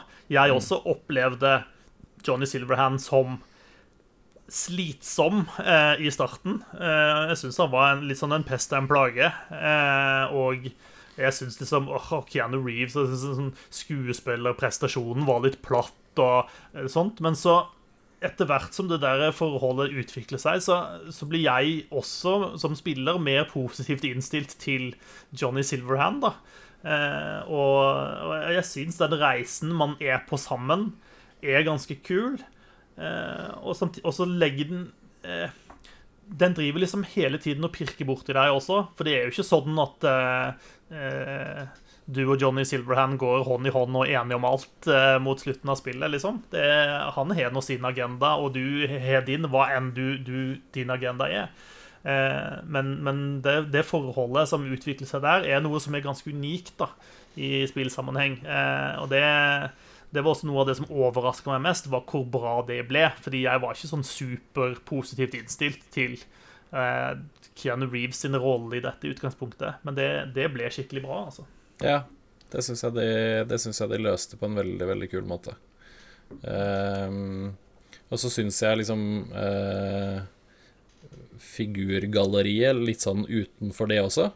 Uh, den nærmeste liksom sirkelen syns jeg også er bra. Der syns jeg det er mye Det er mye gode karakterer, det er mye gode historier, og det er mye kule uh, Kanskje i noen tilfeller litt langdryge historier. De, trekker det på en måte kanskje litt for langt et par ganger, men sånn totalt sett så syns jeg det er, det er mye bra, mye bra liksom rundt eh, Vi og, Silverhand også. Eh, Jeg synes det er De har noen sånn ganske lange quest lines på en måte som går som, som er sidehistorie i spillet. Eh, og de er litt sånn noen som er veldig gode, og noen som ikke er fullt så gode. Eh, eller som i hvert fall ikke har payoff på den samme måten. Nei. De har noen sånne samle-questlines som blant annet med han eh, eh, Han taxi-A-en, eh, Delamain, eh, som, som er en litt sånn typisk sånn Hei, jeg er en quest giver. Her er det åtte eller ti eller hva pokker det er, sånne steder rundt i byen. Du må gjøre en ting for meg. Eh, og de er for så vidt småfestlige alle sammen, men totalt sett så føles det som litt som sånn fetch quests. Og så er det en sånn OK pluss payoff på slutten av det, da. Eh, I hvert fall. Det, det, det syns jeg de var flinke på, å ha en sånn ekstra ting på slutten når du har gjort gjennom de. Men de Quest-linjene som går på de eh, på NPC-ene som du eh, knytter nærmere til deg, da, de syns jeg er, det er de som er de skikkelig gode. Ja. Um, og ofte så tar de deg med på en reise som er um, kanskje ikke det du trodde det skulle være. Det er noen ganske sterke historier som fortelles, og det er så stor variasjon, da. Eh, noen steder så har du oppdrag som er Altså som er skikkelig sånn horror Altså rett ut av liksom de mørkeste eh, skrekkfilmoppleggene du har sett. Eh, mens på et annet tidspunkt så sitter du og har liksom familiemiddag sammen med, med noen og her, spiser barbecue eh, eh, med, med, en familie og har det hyggelig. liksom så det, det veksler veldig, og de gjør veldig mye forskjellig. De gjør mye ut av det. og det det bør de jo gjøre, men det syns jeg også de klarer å gjøre i stor grad. Og så er det litt Det føles litt sånn rart å si dette, fordi jeg har brukt sånn ca. 80 timer på å spille gjennom dette spillet. Men jeg sitter likevel med en sånn følelse av at det, denne verden som de har skapt, altså Night City og, og Badlands omegn og sånt, er, den er såpass kul at jeg skulle ønske det var enda mer innhold i den. Ja. Og nei, fordi det er en av de tingene jeg syns spillet ikke gjør bra, da, er at de, eh, de overlesser deg med ikke nødvendigvis sideoppdrag, men det er litt sånn det presenteres. Hele, du får en sånn konstant strøm av 'hei, du sjekk ut det', 'hei, du gjør det', 'hei, du gå dit', 'hei, du gjør sånn', som mm. Som til syvende og sist har veldig, veldig lite å si for historien, som bare er sånn filler-materiale. Det mm. syns jeg Der syns jeg de rett og slett gjør for mye. Eh, eller de eh, De skulle ha dempa hvor, eh, hvor, heftig du får notiser og sånn, for det er litt sånn fra første liksom, gang når du er fri, altså når du kan begynne å gjøre ting selv, da, med en gang du kommer deg inn i et type område, så er det en eller annen fyr som ringer deg, og så sier 'hei, du, det er jeg som fikser ting her', og så får du sju meldinger med han med ting du skal gjøre eller kan gjøre for denne fyren, som du ikke har noe forhold til. Eh, min Vi, som da var en sånn street kid, hadde litt mer kjennskap til det, så jeg kan tenke på at jeg hadde litt eh, Det var kanskje litt mer naturlig hvis du velger den liksom starten på det. Men det blir litt sånn derre Det blir litt sånn overload av alle de uviktige tingene som til syvende og sist bare er sånn eh, repeterende småevents rundt omkring i byen. Ja, og så er det ikke klart helt den der UI-biten med den telefonen som skal Nei. på en måte gjennom alle tekstmeldingene og alt. Uh... Nei, det er rotete og dårlig, rett og slett. Ja, Det er skikkelig dårlig. Hvor i helvete får alle numrene til vi fra? Fremmede folk som ringer hele tida. Ja, ja. ja det... Jeg er gammel glad vi ikke har uh, telefonskrekk. Ja, nei, jeg, jeg syns de, de gjør det bra med de, de, figurene som man får et forhold til, da. Altså, de, de, aller fleste av de møter du jo som en del av hovedhistorien på et tidspunkt, og så brancher de ut og har sine egne greier på hver sin kant. Og det, det syns jeg er kult. Jeg syns de gjør det veldig bra. Men det er alle de andre tingene som er sånn derre eh, Hei, du, ta og drep denne fyren, eller hei, du, gå og stjel dette, eller hei, du, gå og gjør sånn. Det, det blir bare masete og sånn støy mm. i spillet.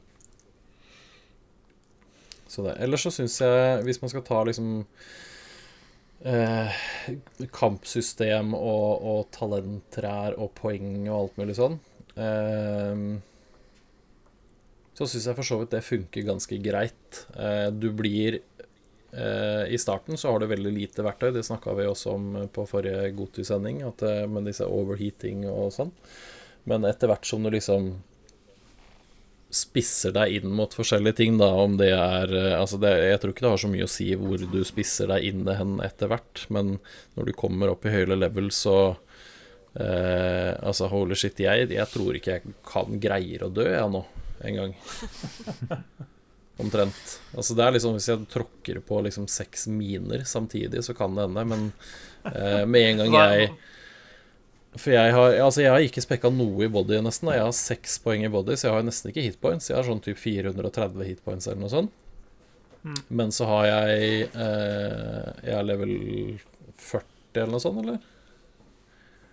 Ja, det kan høres riktig ut, det. Ja, sånn ish. Eh, så jeg har jo da spekka i, i cool og i den crafting-greiene. Technical ability, er det det? Mm. Og i den eh, som har sånn håndpistoler og sånn, eh, som jeg ikke husker hva heter. Reflexes. Re reflexes. Mm. Ja, og så har jeg da videre spekka i handguns og i den derre cold blood, så når jeg skyter og dreper noen og får en crit, så får jeg en sånn cold blood som gjør at jeg gjør enda mer skade, og så bare stacker det her oppå hverandre. Så jeg går rundt med en pistol som gjør da eksplosjonsskade i tillegg, og skyter folk, og de dør. Alle dør på ett skudd, nesten uansett hvor jeg treffer de. Hele tiden.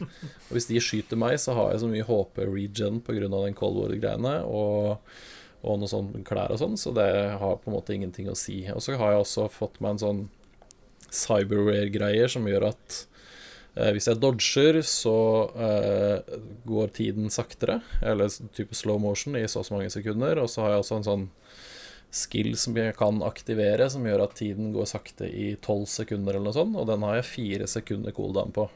Så jeg er egentlig sånn konstant slow motion hvis jeg vil det. Så det er alt i spillet er en cakewalk, liksom, på, på høyeste vanskelighetsgrad. Du Eh, blir ganske mektig på slutten. Du ja, det er litt kult. Jeg syns det er litt gøy, ja, da. At det er litt sånn power Ja. trip rundt det. Hvis du liksom gidder å investere litt tid i det, så er det liksom mer eller mindre ustoppelig når spillet er ferdig. Eh, eh, men det, det gjør på en måte ingenting. Jeg syns liksom utstyr og crafting og alt sånn er ganske Jeg syns det er bra, alle de systemene. Jeg syns det henger veldig bra sammen. Eh, inventory management er like drit i det spillet her som det er i alle andre spill med inventory management. Det er dritt. Jeg skjønner ikke at ingen kan komme på en bedre løsning der. Men sånn er det. Så jeg syns Jeg syns de har gjort veldig mye riktig da i Cyberpunk, men til syvende og sist så syns jeg Cyberpunk kjennes ut som et spill som burde ha vært ute om kanskje seks måneder. Det tror jeg spillet altså, hadde er hatt veldig godt av. Det er jo det største drawbacket. Helt klart at spillet er ikke ferdig.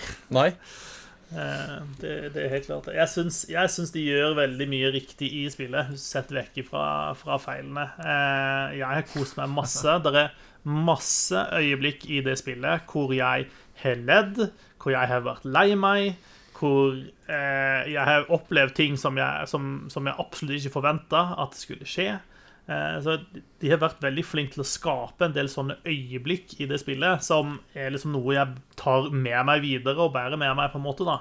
Eh, Og det er det ikke alle spill som klarer å gjøre. Sånn at de har noen sånne ting som eh, de gjør veldig, veldig riktig, og som gjør at jeg anbefaler folk å spille dette om en stund. Eh, ja.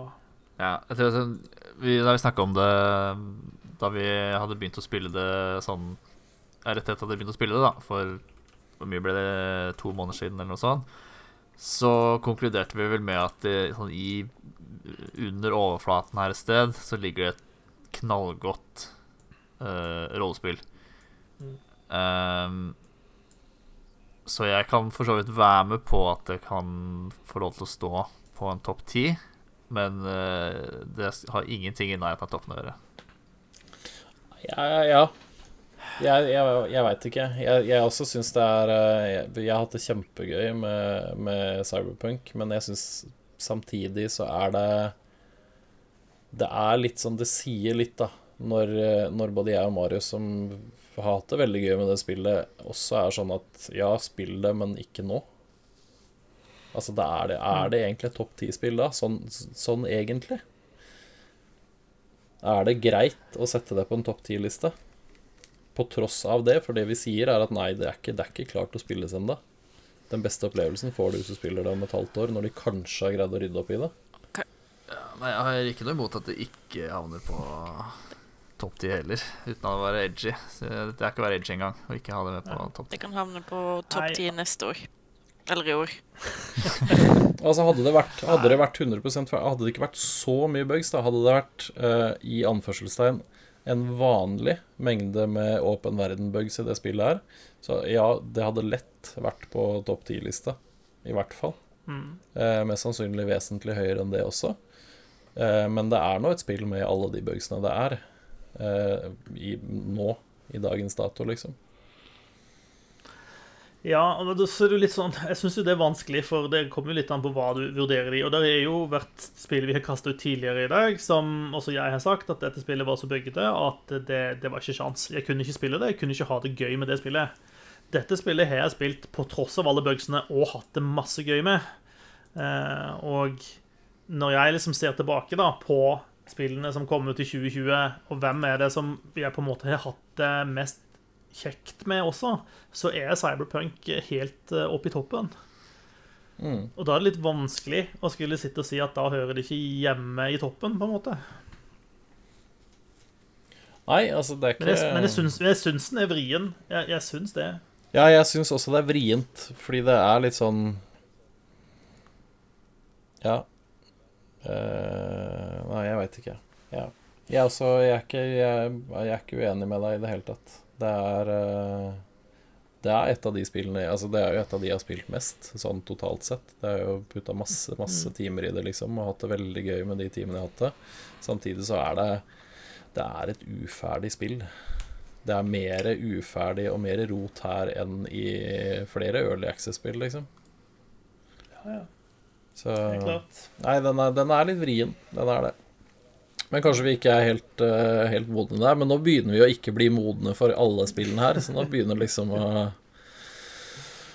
Ja. Uh, altså jeg, jeg, jeg tror OK. Vi er, vi er tre spill som skal ut. Hvis jeg, hvis jeg slenger tre spill på, på blokka nå, så får dere si hva dere tenker. Men hvis jeg slenger ut Wasteland 3, Spiderman og Paper Mario, hva, hvilke reaksjoner får jeg på det? ja. Ja. Ghost of Tsushima er vel bare én som har spilt her. ja. Ja. Det jeg er jeg ganske sikker på er et bedre spill enn Paper Mario. vi var så nære en topp ti der. Ja, vi var så nære, vi. Åh, jeg, jeg kunne smake topp ti-lista, liksom.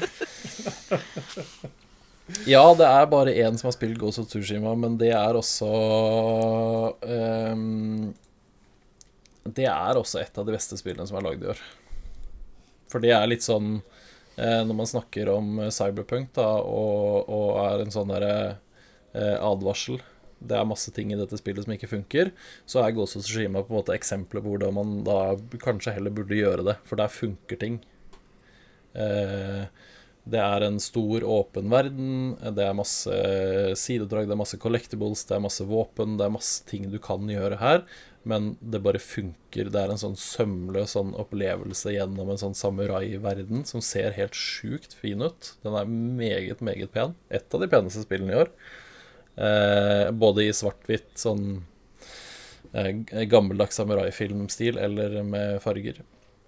Eh, kampsystemet har en kjempegod flyt. Du kan eh, velge mellom å være liksom snikete og, og sleip og jævlig bedre enn du kan i Assassin's Creed, eller du kan være sånn uh, supersamurai som bare går opp til porten, og så sier du 'hei, kom og ta meg', og så får du en sånn samuraiduell der du bare tar tre stykker på tre sveip, og så løper resten fordi de er redd for deg.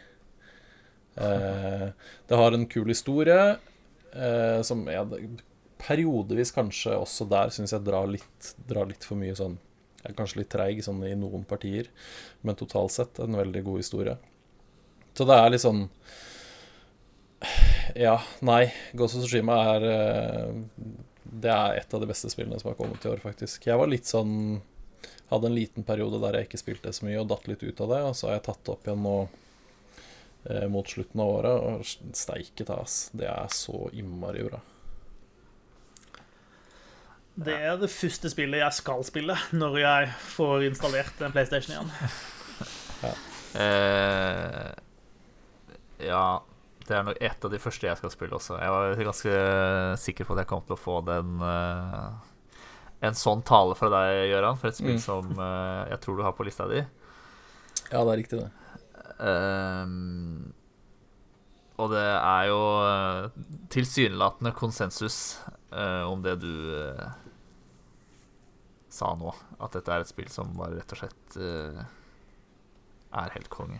Ja, det er det. Det er, det er et suverent bra spill, liksom. Det er en sånn derre Løpe rundt og være samurai i den verdenen der, med alle de fargene og alle de tingene, og det er liksom Ja. Det, det, det er så mange sånne enkeltstående elementer i det spillet som er helt uh, suverent. Ja, greit. Da går jeg med på tilbudet fra Marius. Det var sjukt. Med Det Paper Mario, Spiderman og Wasteland. All right. tok jo bare et par timer, da. Syns ikke det var så gærent. Da har vi ti spill, da, folkens. Par timer på å kutte 30 spill, eller hvor mye vi er på da? Det er ikke så gærent, det. Ja, men det holder med ti spill, ikke sant? Vi trenger ikke rangere det. Det er bare nå kommer moroa, skjønner du. Det holder at de er med på lista. Hadde det vært så vel. Da står vi igjen med ti spill. Det er Animal Crossing New Horizon, det er Assassin's Creed Valhalla, det er Crusader Kings 3, det er Cyberpunk 2077, Doom Eternal, Final Fantasy 7 Remake, Ghost of Tsushima, Hades, Spirit Fair og The Last of Us Part 2. Ja, folkens. Da er jo spørsmålet, da. Hvem skal på bunnen, og hvem skal på topp? Ja Ja Kan vi ikke bare kaste terning om det, egentlig? Jo, det gjør vi. Det gjør vi. Jeg syns det var en god plan. Um, hvem skal på bunnen, og hvem skal på toppen? Altså, jeg tenker jo eh, Hvis man skulle lodde stemningen litt ut ifra hva, man, eh, hva man har sagt til nå, så tenker jeg at Cyberpunk, Cyberpunk kommer ikke veldig høyt. Jeg tror ikke Spiritfarer heller kommer veldig høyt. Mm, Nei. Eh, det blir vanskelig å få den til å klatre noe særlig høyt opp på lista, men jeg er fornøyd med at den er med. Ja, jeg, jeg eh, er litt skeptisk til Final Fantasy 7 altfor høyt på lista også, kjenner jeg. Hades med høyt. Doom Eternal tredjeplass. Eh, Animal Crossing andreplass. Assassin's Creed fjerde. Altså så driter resten. Så første er ikke så viktig. Uh, nei, det blir jo Hades, da. Sikkert. Ok. Det beste spillet Jeg ikke har spilt i år. Um, skal, skal, vi, skal vi prate om de vi ikke har prata om, da, så får vi gjort unna litt av de også? Skal, vi, skal vi begynne øverst, kanskje? Trenger Mener du øverst på, på, på, på sånn som de står på vår På liste? pallen. Ja. Da er det Animal Crossing som står på toppen nå. Jeg, jeg, jeg har ikke spilt Animal Crossing. Jeg er vel kanskje den eneste her som ikke har spilt det. Så Er du en slags psykopat? En, eh, jeg tar meg en en- Pringles, her, så kan dere en slags seriemorder som bare eh, går rundt og bruker tida di på å stalke folk istedenfor å eh, kose deg i Animal Crossing? Stalkere kan også ha mening om dataspill. Så, så, så Ja, men de har dårlige meninger. Obviously. Ja, Nei, uh, Animal Crossing er jo en eh, pallkandidat. Helt åpenbart. Altså, det er nok det spillet jeg har brukt mest timer på i år. Eh, Desidert for min del. ja, og jeg har jo fortsatt store planer om eh, alle layout-forandringene og, og hvordan jeg skal bygge opp byen og, og sånne ting. Til tross for at det- jeg har liksom Jeg har en ferdig øy, men nå må jeg flytte rundt på ting. Og gjøre det penere. Ja. Mm. Du blir liksom aldri ferdig med det. Eh, men derfor det er et eller annet som, som sånn suger deg tilbake eh, hele tida. Eh, det er bare helt enormt koselig å dumpe innom og skravle med naboene litt. Og de sier jo ofte det de sa i går, da, men du man får et sånn rart forhold til disse til de dyra likevel. Jeg blir jo kjempelei meg hver, hver gang en av de spør om de kan få lov til å flytte. Og jeg er sånn Mm. over mitt dødlik, holdt jeg på å si. Bortsett fra Colton, da. Han kan dra til helvete. Fuck det jævla hestetrynet. For jeg er også litt sånn Fra noen som jeg tenker eh, Det er én som er litt sånn Det er helt greit om hun flytter. Eh, og så var det her for ikke så lenge siden, så gikk hun med den tankebobla over hodet og sa hun sånn Jeg lurer kanskje på om jeg skal sånn se hva som fins andre steder og sånn. Og det, Nå, nei, nei, nei, nei. Du skal ingen Fins ikke noe andre jeg- steder enn den her øya. Selv om jeg har tenkt så, eller så mange ganger at uh, hvis jeg skulle bytte ut noen, så er det hun, liksom. Um, uh, men jeg syns uh, Jeg syns pacinga er ganske bra i spillet. Jeg liker den at det tar en dag i starten, da, um, å bygge huset, eller å bygge på Mm. huset. så gjør liksom det roer ting ned litt, og det som vi var inne på masse i forrige episode, om at om, uh, altså, det har vært mye stress uh, på grunn av pandemien, så har det vært veldig behagelig å liksom bare uh, sette seg i sofaen og så rømme inn i den verdenen, den stressfrie verdenen der, da. Hvor eh, ja, du har en halv million i gjeld, eh, liksom, men det er ikke noe løpe, løper ikke noe renter på det, så Og det er mindre gjeld enn det jeg har i det virkelige liv, så ja, så det er jo drømmen å bo, bo der, da. Uh, men så er det, er, det er ikke noe stress, liksom. Du kan spille det spillet i akkurat ditt tempo, det bare er uh, uhorvelig koselig, da. Eh, 300 timer på sju måneder taler eh, for seg. Og det var liksom eh, den perfekte sånn palate cleanser etter Doom Eternal. Uh, Mm. Hvor Doom Eternal holdt på å gi meg hjerteinfarkt, og så spilte jeg Animal Crossing etterpå og kunne liksom roe litt ned og senke skuldrene og uh, Og slappe av, da. Og ikke få hjerteinfarkt, Ja. som er uh, Ja, bare positivt. Ja, da er du send Mm. igjen. Så jeg syns liksom Jeg syns Doom Eternal og Animal Crossing Jeg synes det var kjempebra at de kom ut relativt samtidig, fordi de har vært en veldig sånn Mm. Det er to spill som komplementerer hverandre, på en måte. Ved å være diametriske motsetninger. Ja. Ja, de, ja, Nintendo var jo, traff jo Var litt heldig med timinga Mm. for Animal Crossing, selvfølgelig. eh, Som kom ut eh, akkurat på starten av eh, lockdowns og det ene og det andre. Um, og har vært et sånn fint sted. Ikke sant, ikke sant det er supergøy å besøke andres øy og sånn. Utover sånn løpe rundt og se, og så er du liksom ferdig med det. Men eh, det har vært kjempe-community. Jeg har sånn en, en chat med folk som vi, sånn, vi snakka sammen.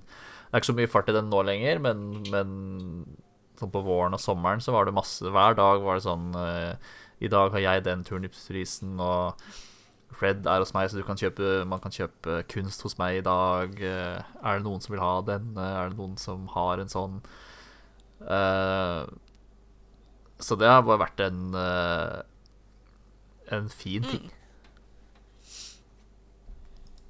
Ja, det har Ja. rett og slett bare vært uh, en veldig, veldig fin opplevelse. En veldig nødvendig opplevelse, tror jeg. Mm. Gjøran var litt mer kjølig i går, syns jeg. Ja, det, det var bare ja. Det var den derre jævla turnipsen. Men det er på en måte min egen skyld. Det er som å bli sur på Five O. Det er fordi han er så vanskelig, liksom.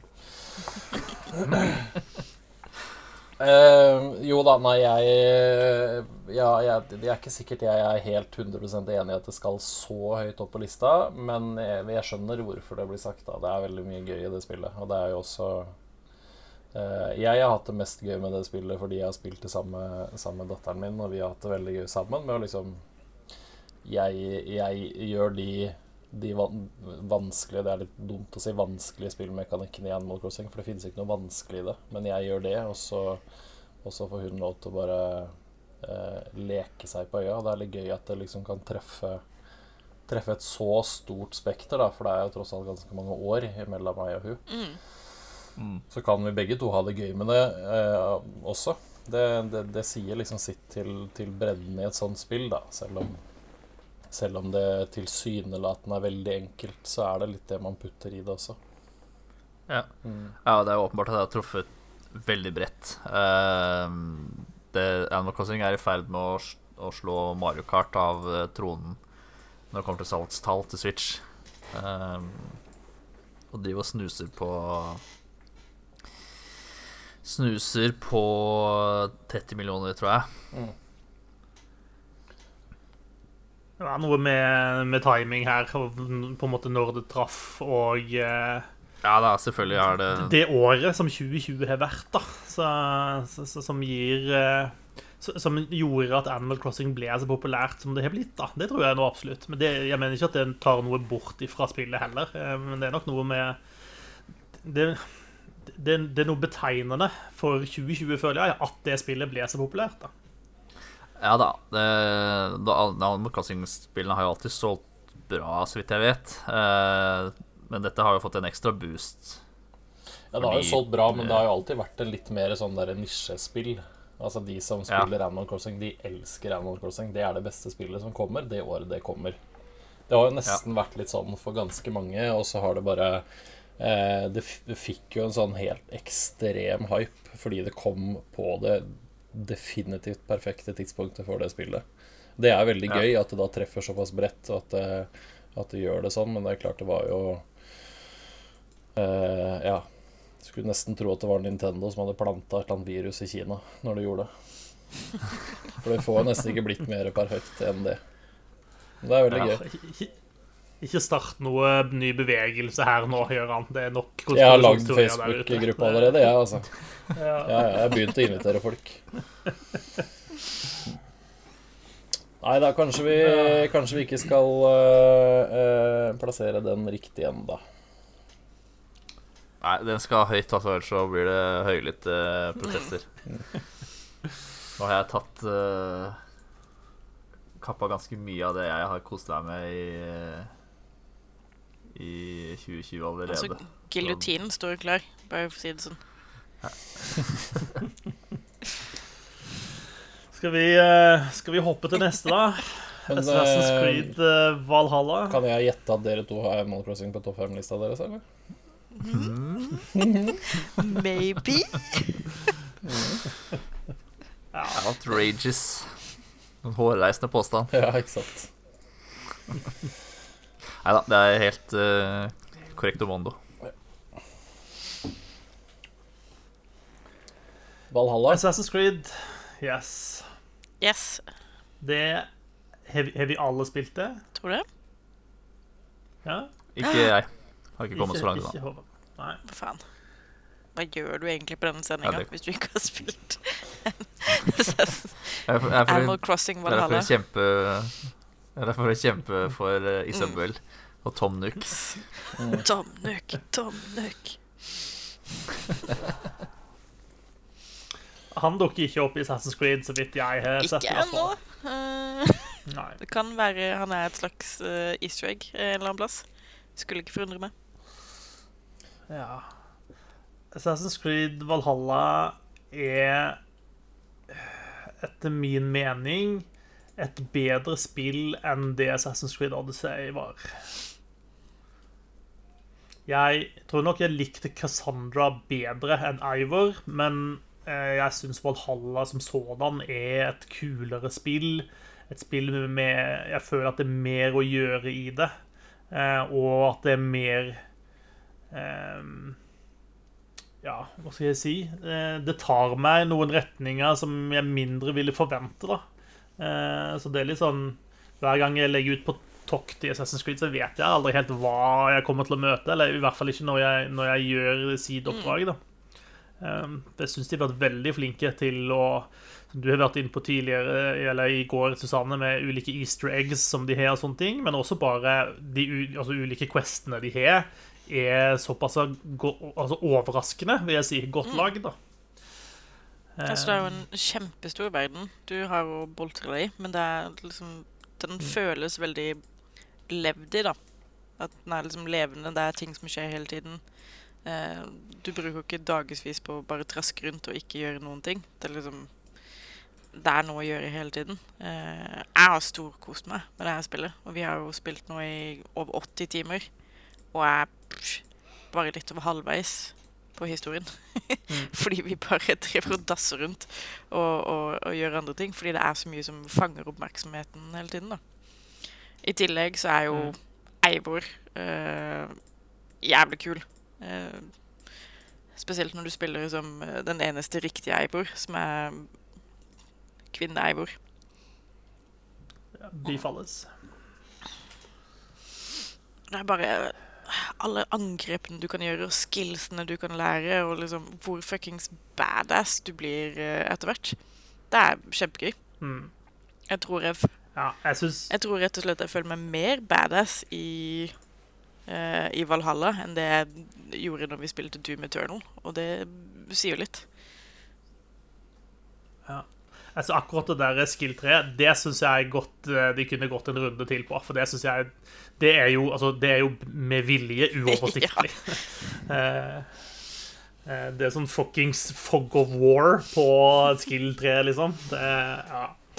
Eh, så akkurat den, den syns jeg er litt sånn OK, dette kunne de gjort litt bedre. Men jeg, jeg liker for eksempel, så synes jeg sånn det de har gjort med, med utstyr og sånt, for eksempel, det liker jeg så mye bedre her enn det det var i de, de foregående Assassin's Creed-spillene. Eh, for i Odyssey og sånn så var det Du, du drukna så i utstyr, eh, og du fikk ikke brukt det nye kulesverdet to ganger engang før det ble bytta ut igjen. Her så føles det som det er mer tyngde i tingene dine, da. Det er mer verdt det når du får et nytt våpen. Eh, du vurderer faktisk hm, skal jeg prøve dette, skal jeg teste dette ut. Eh, eh, det, det, det liker jeg også veldig godt. da. Og så syns jeg den der basebygginga som de har lagt opp, ja, den er ikke sånn den er ikke fantastisk revolusjonerende, og det begrenser hvor mye den gir deg, men jeg syns allikevel det er en sånn jeg, jeg kjenner jo at ja, jeg er helt mellom oppdrag så det er sånn, jeg har faktisk lyst til å reise hjem igjen. Og jeg har lyst til å se hva som skjer i, i eh, bygda mi. Eh, nå har jeg vel samla nok greier til å bygge en ny bondegård eller et eller annet sånt noe. Sånn, ja, det er ikke det mest revolusjonerende, men eh, det er hyggelig, da. Og så plutselig har du fått bygd ei eh, hytte til noen jegere, og så plutselig så finner du ut at du kan hoppe i høyet med hun ene jegerdama, og det er jo ganske artig, og så, ja. Det er liksom litt sånne ting å, å, å fikle med. Som du sier, så ender du opp med å ha brukt 80 timer og knapt har fulgt hovedhistorien, liksom. Så, ja. Så kult. Jeg gleder meg til å spille mer av det. Jeg har ikke spilt Jeg har ikke i nærheten av 80 timer. Men jeg tror den største Største forbedringen for meg som fra Odyssey til Valhalla, er bare eh, Det er litt et eller annet med tyngden i combaten og treffene og tyngden til figurene som er vesentlig bedre, bare. Og kjennes mye bedre ut i Valhalla. Eh, for Odyssey var litt sånn eh, Det kjentes ut som det løp en halv centimeter over bakken, egentlig. Mm. Og det gjør det ikke i Valhalla, og det er en sånn kjempe Jeg vet ikke, det, det kan godt ikke det kan, det kan hende det er jeg som bryr meg om sånt, men eh, det, det er en mye bedre sånn feel i, i Valhalla. Så ja, jeg skjønner Jeg synes... veldig godt at det hører hjemme, og at det mest sannsynlig hører hjemme ganske høyt. da Jeg er veldig med på det. Jeg syns de har hatt en veldig, veldig god utvikling på Assassin's Creed-spillene siden eh, det Åh, hva het det Egypta? Origins. Ja, siden da så syns jeg de har hatt en veldig god sånn trend på, på spillene sine. Ja, og selvfølgelig Vi har sagt det liksom en stund, at nå er Assassin's Creed på, på riktig vei. Men, men jeg syns Assassin's Creed Valhalla er, det er der. Det, er ikke, det er ikke serien som er på vei et sted. Det er, der, det er der det skal være. på en måte. Dette er et godt spill. Jeg sitter ikke og spiller det og tenker at å, jeg gleder meg til neste Assassin's Creed. Jeg sitter og koser meg med Valhalla, rett og slett. Ja. Ja, så her, her syns jeg de truffet bra. Jeg syns eh, jeg kanskje noe av det svakere delen av det spillet er egentlig starten, på en måte. Eh, altså det som, det som skjer i Norge før du reiser til, eh, til Storbritannia, syns jeg Der er det litt sånn eh, Først er det en del sånn tutorial-mas som er slitsomt. eh, Men så syns jeg også Eller jeg opplevde i hvert fall spillet som litt sånn retningsløst på det tidspunktet. Jeg visste pokker ikke hvor jeg skulle gå, hva jeg skulle gjøre, og hva som var greia på det tidspunktet. Eh, Og det var egentlig først når jeg kom til England at jeg liksom begynte å skjønne at oi, OK, sånn er det dette henger sammen, og det er sånn jeg skal gjøre det, og det Ja. Så de kunne gjort noe med, med liksom startteamene, syns jeg. Men eh, ja. Det er bra. Det er gøy at, uh, gøy at de er der. Så får jeg håpe de Det hadde vært kult om de lagde et Assassin's Creed-spill som var mer likt det første Assassin's Creed-spillet igjen. Men det er ikke sikkert det Det skal ikke være et sånt spill, det. Jeg syns de har kommet De har, de har funnet formelen sin nå på hvordan de spillene skal være, da. Jeg trenger ikke et nytt spill hvor jeg er nødt til å samle 300 flagg som er spilt tilfeldig ut over kartet. Altså. Det- Flaggene det kan jeg godt være uten, jeg også, men eh, det å være en snikmorder igjen hadde vært gøy. Det er Det har du aldri, det har du aldri vært i Assassin's Creed. La oss være ærlige, da. Jo, i de Eh, første eh, spillene Creed. så var det Altså, hvis du fikk mer enn to eller tre personer på deg, så hadde du trøbbel. I hvert fall i det, Ja, første spillet. Ja, ja, ja, det er greit, men det, men det var aldri et spill der du skulle snike masse for å myrde. Det var et spill der du skulle brøyte deg vei for å myrde, og så skulle du stikke av. Det Ja, var ja. det det var. Ja, ja, altså Du skulle sånn løpe ifra kamp. Litt sånn, eh, litt sånn røff, eh, røff eh, fremgangsmåte på snikemord, kanskje, men det var jo det det var, da. Du prøvde jo å snike deg unna igjen, eller rømme, eller hva det enn du gjorde. Nei da, jeg er helt enig. Jeg syns Valhalla synes jeg er kjempegøy. Selv om ikke jeg har spilt det på langt nær så mye som dere. Jeg har kommet meg ut av Norge. Ja, Da har du bare så vidt begynt. Jepp. Ah, Det er var veldig gøy. Du har så mye å glede deg til. Jeg gjør det. Eh, Crusader Kings 3, Marius, hvor bra er det egentlig? Ja, Crusader Kings 3. Jeg eh, antar at det stort sett er jeg som har spilt det her. Jeg vet ikke om du har pirka litt i det? Ja, jeg har selv, eh, ehm, Står det noe sånn spilletid på den her? Nei, det gjør ikke det, vet du. Jeg tipper jeg har eh, opp mot ti timer i det, tenker jeg. Ja. Det er jo ingenting, selvsagt. Um, Nei, det skjønner jeg jo. Nei, eh, Crusader Kings 3 er, er solid, eh, først og fremst. Eh, det har De har tatt De har skjønt hva som var bra i Crusader Kings 2, og så har de bygd på det. Eh, samtidig så var Crusader Kings 2 på slutten så utrolig feature creep. Eh, Det var så fullt av ulike ting du kunne gjøre at de hadde ikke plass i menysystemene sine til den gang, så de måtte liksom spleise på nye menyer og alt mulig for å få plass til alt. Eh, Sånn er jo heldigvis ikke Crusader Kings 3 nå. Samtidig så sitter man jo også med en følelse av, etter å ha spilt Crusader Kings 2 med så mange utvidelser, at eh, her har de på en måte fjerna en del ting da, som du tenkte at var naturlig å ha med i, i for, forgjengeren. Ehm, og det skjønner man jo at de må gjøre. Dette er på en måte Paradox sin oppskrift på disse Grand Strategy-spillene sine. De lager liksom et basisspill, og så kommer de til å bygge videre på dette over tid. Det er liksom hele modellen deres. Men det gjør jo også at eh, det føles som litt sånn bart når du kommer inn i Crusader Kings 3 etter at du har spilt de forrige. Eh, så det er litt sånn Jeg syns det de leverer her, er veldig solid.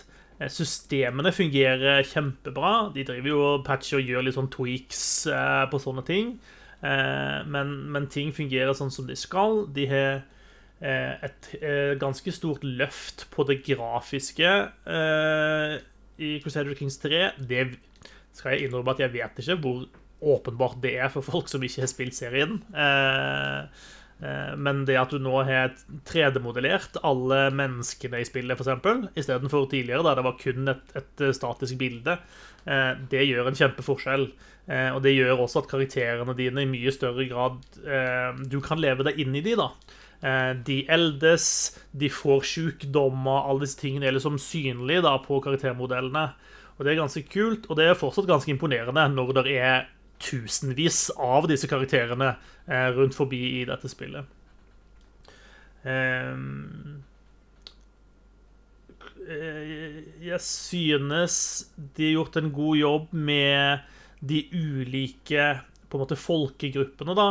Det er, ganske, det er veldig stor forskjell på om du velger å spille som, eh, som Harald Hårfagre oppe i, Norge, eller du velger å spille som keiseren i Konstantinopel, eller som en eh, eh, si, en italiensk prins, eller et eller annet rart noe ned på liksom, gullkysten i Afrika. Det, det er så vanvittig forskjell på det pga. at religionen og kulturen er annerledes. Og derfor så, så blir spillene så unikt forskjellige, da. Og gjenspillbarheten er så stor. Ehm, jeg tenker jo sånn plasseringsmessig sett, så, så tror ikke jeg at Crusader Kings 3 blir kåra til Double Jumps Game of the Year i år. Det tror jeg ikke. Eh, og Sånn sett så er jeg fornøyd med ha, at, at dere morer meg eh, med å la meg ha det med inn på topp ti. Det syns jeg er veldig hyggelig. Eh, og så ser jeg sikkert for meg at det kan godt være at det, det havner under topp fem, da, for å si det sånn. Det, det kan nok være. Eh, jeg syns det er veldig solid, eh, men, men når jeg spiller det, så sitter jeg også med en liten sånn følelse av at eh, Eh, dette, dette, er et spill som kommer til å bli bedre og bedre også, altså at det er også et spill som har forbedringspotensial. Så at det hører hjemme på topp ti, ja, jeg syns jo det, men jeg, men jeg syns ikke heller at det skal være helt i toppen. Nei. Mm. Nei, jeg som, jeg som, helt ny spiller syns fortsatt det er vanskelig å, å, å komme inn i og forstå Altså, jeg, jeg, kan på en måte Jeg kan skjønne systemene, jeg kan skjønne liksom hva man gjør, litt sånn, men eh, det kommer til et punkt der jeg mister liksom eh, gameplay-flyten. Der jeg ikke skjønner helt hvor jeg skal gå hen nå. Eh, og det kan godt hende det er eh, mange året med spilling som har lært meg at du skal hele tiden gjøre noe. Og så tror jeg ikke nødvendigvis at du alltid skal gjøre noe i Crusader Kings 3. da Eh, det kan være mm. nok at du har én plan, eller en sånn scheme, eller hva det heter, gående. Eh, så jeg detter liksom litt ut av det. Eh, jeg vet ikke om det er fordi jeg er dum, eller om spillet er mer skrudd for de som har allerede spilt i, da. Jeg tror kanskje det fortsatt er det. Det er ikke så, det er ikke så nybegynnervennlig nødvendigvis. Selv om det sikkert er mer av det nå, så syns jeg fortsatt det er vanskelig å skjønne det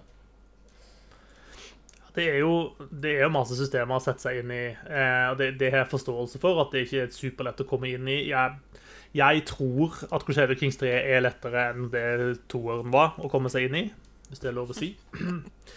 eh, men det er litt som du er inne på også, det er også noe med tankegangen til spilleren som man rett og slett er nødt til å venne seg til. Mm. For eh, Europa Universalis er et spill som handler om liksom kontinuerlig ekspansjon. Sant? Det handler om at du skal ta den nasjonen du har, og så skal du vokse, så skal du bli større, og så skal du på en måte Om ikke du skal ta over verden, så skal du i hvert fall bli så mektig som du kan bli, da. Eh, I Crusader Kings 3 så er det mer enn sånn Dette er middelalderen-sandkassen. Her er det politiske spill, og det er alt mulig, og det er liksom Det er helt opp til deg hva du ønsker at dette spillet skal være, da. Ja. Eh, du kan på en måte ha den holdningen at OK, jeg skal skape et kongerike som blir så mektig som bare overhodet mulig. Eh, men der kommer spillet til å motarbeide deg hele veien. Eh, fordi at eh, kongen din han blir jo gammel og dør på et tidspunkt. Og da har du noen ganske tøysete arveregler som gjør at det riket du har bygd opp, det blir helt sikkert splitta mellom fire av sønnene dine, og så må du spille som én av de, og så har du plutselig kutta det du bygde opp i, til ned til en fjerdedel igjen. Så du kan like godt liksom finne moro i at OK, jeg skal, jeg skal velge å rollespille min figur som en skikkelig sånn Don Juan, eh, og bare ha meg med liksom kona til kongen i, i, Frankrike og bare være en skikkelig lurendreier, og ha det veldig gøy med det. Eh, så det er på en måte mange sånne innfallsvinkler på hva er det egentlig du har lyst til å gjøre. da. Eh, og i motsetning til en del andre spill, så, så, gir ikke Crusader Kings egentlig svaret på det er dette du skal gjøre i dette spillet. Det er mer bare en sånn her, her, er en simulasjon. Gå inn og gjør det du har lyst til å gjøre. Hva enn du får ut av dette, er liksom det riktige, da. Så, mm. ja. Det er en litt sånn tilpassing å gjøre. Jeg, jeg, sleit veldig mye med det i starten på Crusader Kings 2, fordi jeg var så eh, låst i den eh, Europa Universalis-tankegangen. da. Eh, men du liksom klarer å knekke den koden og liksom, Det er ikke sånn jeg skal spille dette spillet. Det er ikke sånn jeg har det moro i dette spillet. da. Eh, så kan du begynne å leke mye mer og ha det, ha det artig. Og lage på en måte dine egne historier og historien om det kongehuset du spiller, eh, og hvordan det spiller seg ut. Så. Mm. Nei, jeg har, ikke, jeg har ikke gitt opp. Ikke helt. Det er greit. Du, Eh, det funker også veldig fint flerspiller for øvrig. Det har vi, vi testa en del. Det funker veldig fint, og Paradox har omsider på en måte fått fått eh, orden på flerspillerbitene sine. Det var ganske lang tid hvor det var traurig teknisk å gjøre det, men nå funker det helt fint. Så også i Crusader Kings 3. Så bra. Doom Eternal har vi ikke snakka så mye om. Nei, det er jo den årlige dosen av eh, vær så god, nå skal du få hår på brystkassa, knekke en øl og skyte folk i huet. Um, Du trenger vel egentlig ikke å si ja, så mye mer enn det. nei. Har du lyst på en sprøyte med adrenalin rett inn i hjertet, liksom? Da kan du spille Doom Eternal. Nei da, det er Doom Eternal er uh, en, en veldig god oppfølger til Doom. Uh, ut, altså, det gjør jo Det gjør nye ting som uh, det, det gjør noen nye ting som jeg syns er veldig bra. Eh, og spesielt en av, en av de tingene er den den mekanikken med at du kan styre litt hva demonene dropper av gjenstander. Ved å liksom putte de i forskjellige Altså hvis de eh, brenner, for eksempel, da, så får du Nå husker ikke jeg hva du får. Er det health eh, points du får da? Eh, og så er det forskjellige sånne Du har forskjellige verktøy for å få sette de i forskjellig sånn type status, og så hvis du dreper de, så får du forskjellige ting. Og det, er, det gir en litt sånn eh, liten sånn ekstra dimensjon til allerede veldig kaotiske og veldig kjappe eh, kamper, men Doom er så innmari bra på å hele tiden la deg være i kontroll. Eh, selv om det er masse demoner som skyter på deg, og det er svære demoner, og det er små demoner, og de flyr, og det er alt mulig rart, så er det Eh, til syvende og sist så er det hele tiden så er det du som er bossen i Doom Eternal, og så er alle disse andre er de som prøver å ta deg. Og det er en veldig kul sånn flipp på hele greia, som jeg syns de greier å liksom opprettholde veldig bra i, gjennom hele spillet. Ja, egentlig. Så er det um, Jeg vet ikke, er det lov å si at altså, historien er ikke bra? Nei, det er den ikke. Men Å, den så de prøver, heller, de prøver ikke at den skal være bra heller. Nei. Så det er på en måte Det blir sånn derre Ja, selvfølgelig er det dette som skjer i et Doom-spill. Ja. Den, den tar seg ikke selv veldig høytidelig. Det gjør den ikke. Eh, og den føles til tider ut som den er blitt skrevet av en eller annen eh, fanfic-forfatter. Eh, som bare Ja. har blitt gitt fritt løyve til å skrive hva de vil, basically. Eh, og det er Altså, det er jo morsomt, for så vidt, og det gjør jo at du får dra til en del spennende steder og omgivelser. Så så sånn sett så, så gjør den jo jobben sin, men det er ikke et stort stykke litteratur, det er det ikke. Nei, vi er ganske langt unna det. Mm. Eh, men det her er jo også da Det er jo et spill eh, der en fyr istedenfor å trykke på en knapp, alltid bare slår. Mm. Hvis det er et tastatur og han blir bedt om å trykke på enter, så knuser han mest sannsynlig skjermen isteden. Mm. Ja. Nei, det er bare Jeg syns det eh, Jeg tror det eneste spillene Altså eneste skytespillet for jeg kan komme på som har hatt en enspillerkampanje som har vært like bra da som Doom og Doom Eternal, det er egentlig Titanfall 2. Mm. Eh, for de gjør det så bra, og det er så, det er så bra flyt, og det er så eh, god sånn progresjon i vanskelighetsgrad i forhold til bossene du møter, og i forhold til brettene. Jeg syns fortsatt nivåene er litt sånn eh, litt, litt vel forvirrende til tider. Det er ikke så kult med plattforming i Doom som det der skyting. Så jeg syns det er noen partier der de lener seg litt for mye på det. Eh, så det trekker nok ned lite grann, men eh, jeg, Doom er, det er fortsatt dritkult. Og så er det jo Altså, musikken er jo bare helt Den er helt konge, liksom. Ja, altså Mick fortsetter å gjøre en, en strålende jobb, og gjør jo kanskje om mulig en bedre jobb i Doom Eternal enn enn i Doom. Han har virkelig liksom skrudd opp bryteren hele veien til 22. Ja. Og så er det kult liksom måten, måten de bruker eh, intensiteten i musikken i forhold til hva som skjer i spillet og sånne ting. Det er, veldig, det er en veldig kul sånn mekanikk bak det der, som Mm. gjør at det liksom Det tilpasser seg liksom tempoet i spillet på en veldig kul måte. Mm. Så det er eh, Ja. Det er, det er en bunnsolid, eh, bunnsolid oppfølger, liksom. Ja. Kan jeg, kan jeg pirke litt i det? For eh, jeg har inntrykk av at Doom på en måte lagde større bølge når det kom, enn det Doom Eternal har gjort. da. Så, hvordan på en måte vil man rangere Doom Eternal kontra Doom? på en måte? Det, er det et bedre spill? Gjør det, altså, gjør det mye nytt? Hva Legger det til ting som løfter opplevelsen? Hva, hvordan er de to sett opp mot hverandre på et vis? da? Altså, hvis, eh, hvis jeg hadde fått eh, en supershotgun mot hodet og måtte velge mellom Doom og Doom Eternal, eh, så, så tror jeg kanskje jeg hadde valgt det første Doom, men det tror jeg litt fordi eh, det, var, det var litt mer overraskende at det skulle være så innmari bra som det det var når det kom.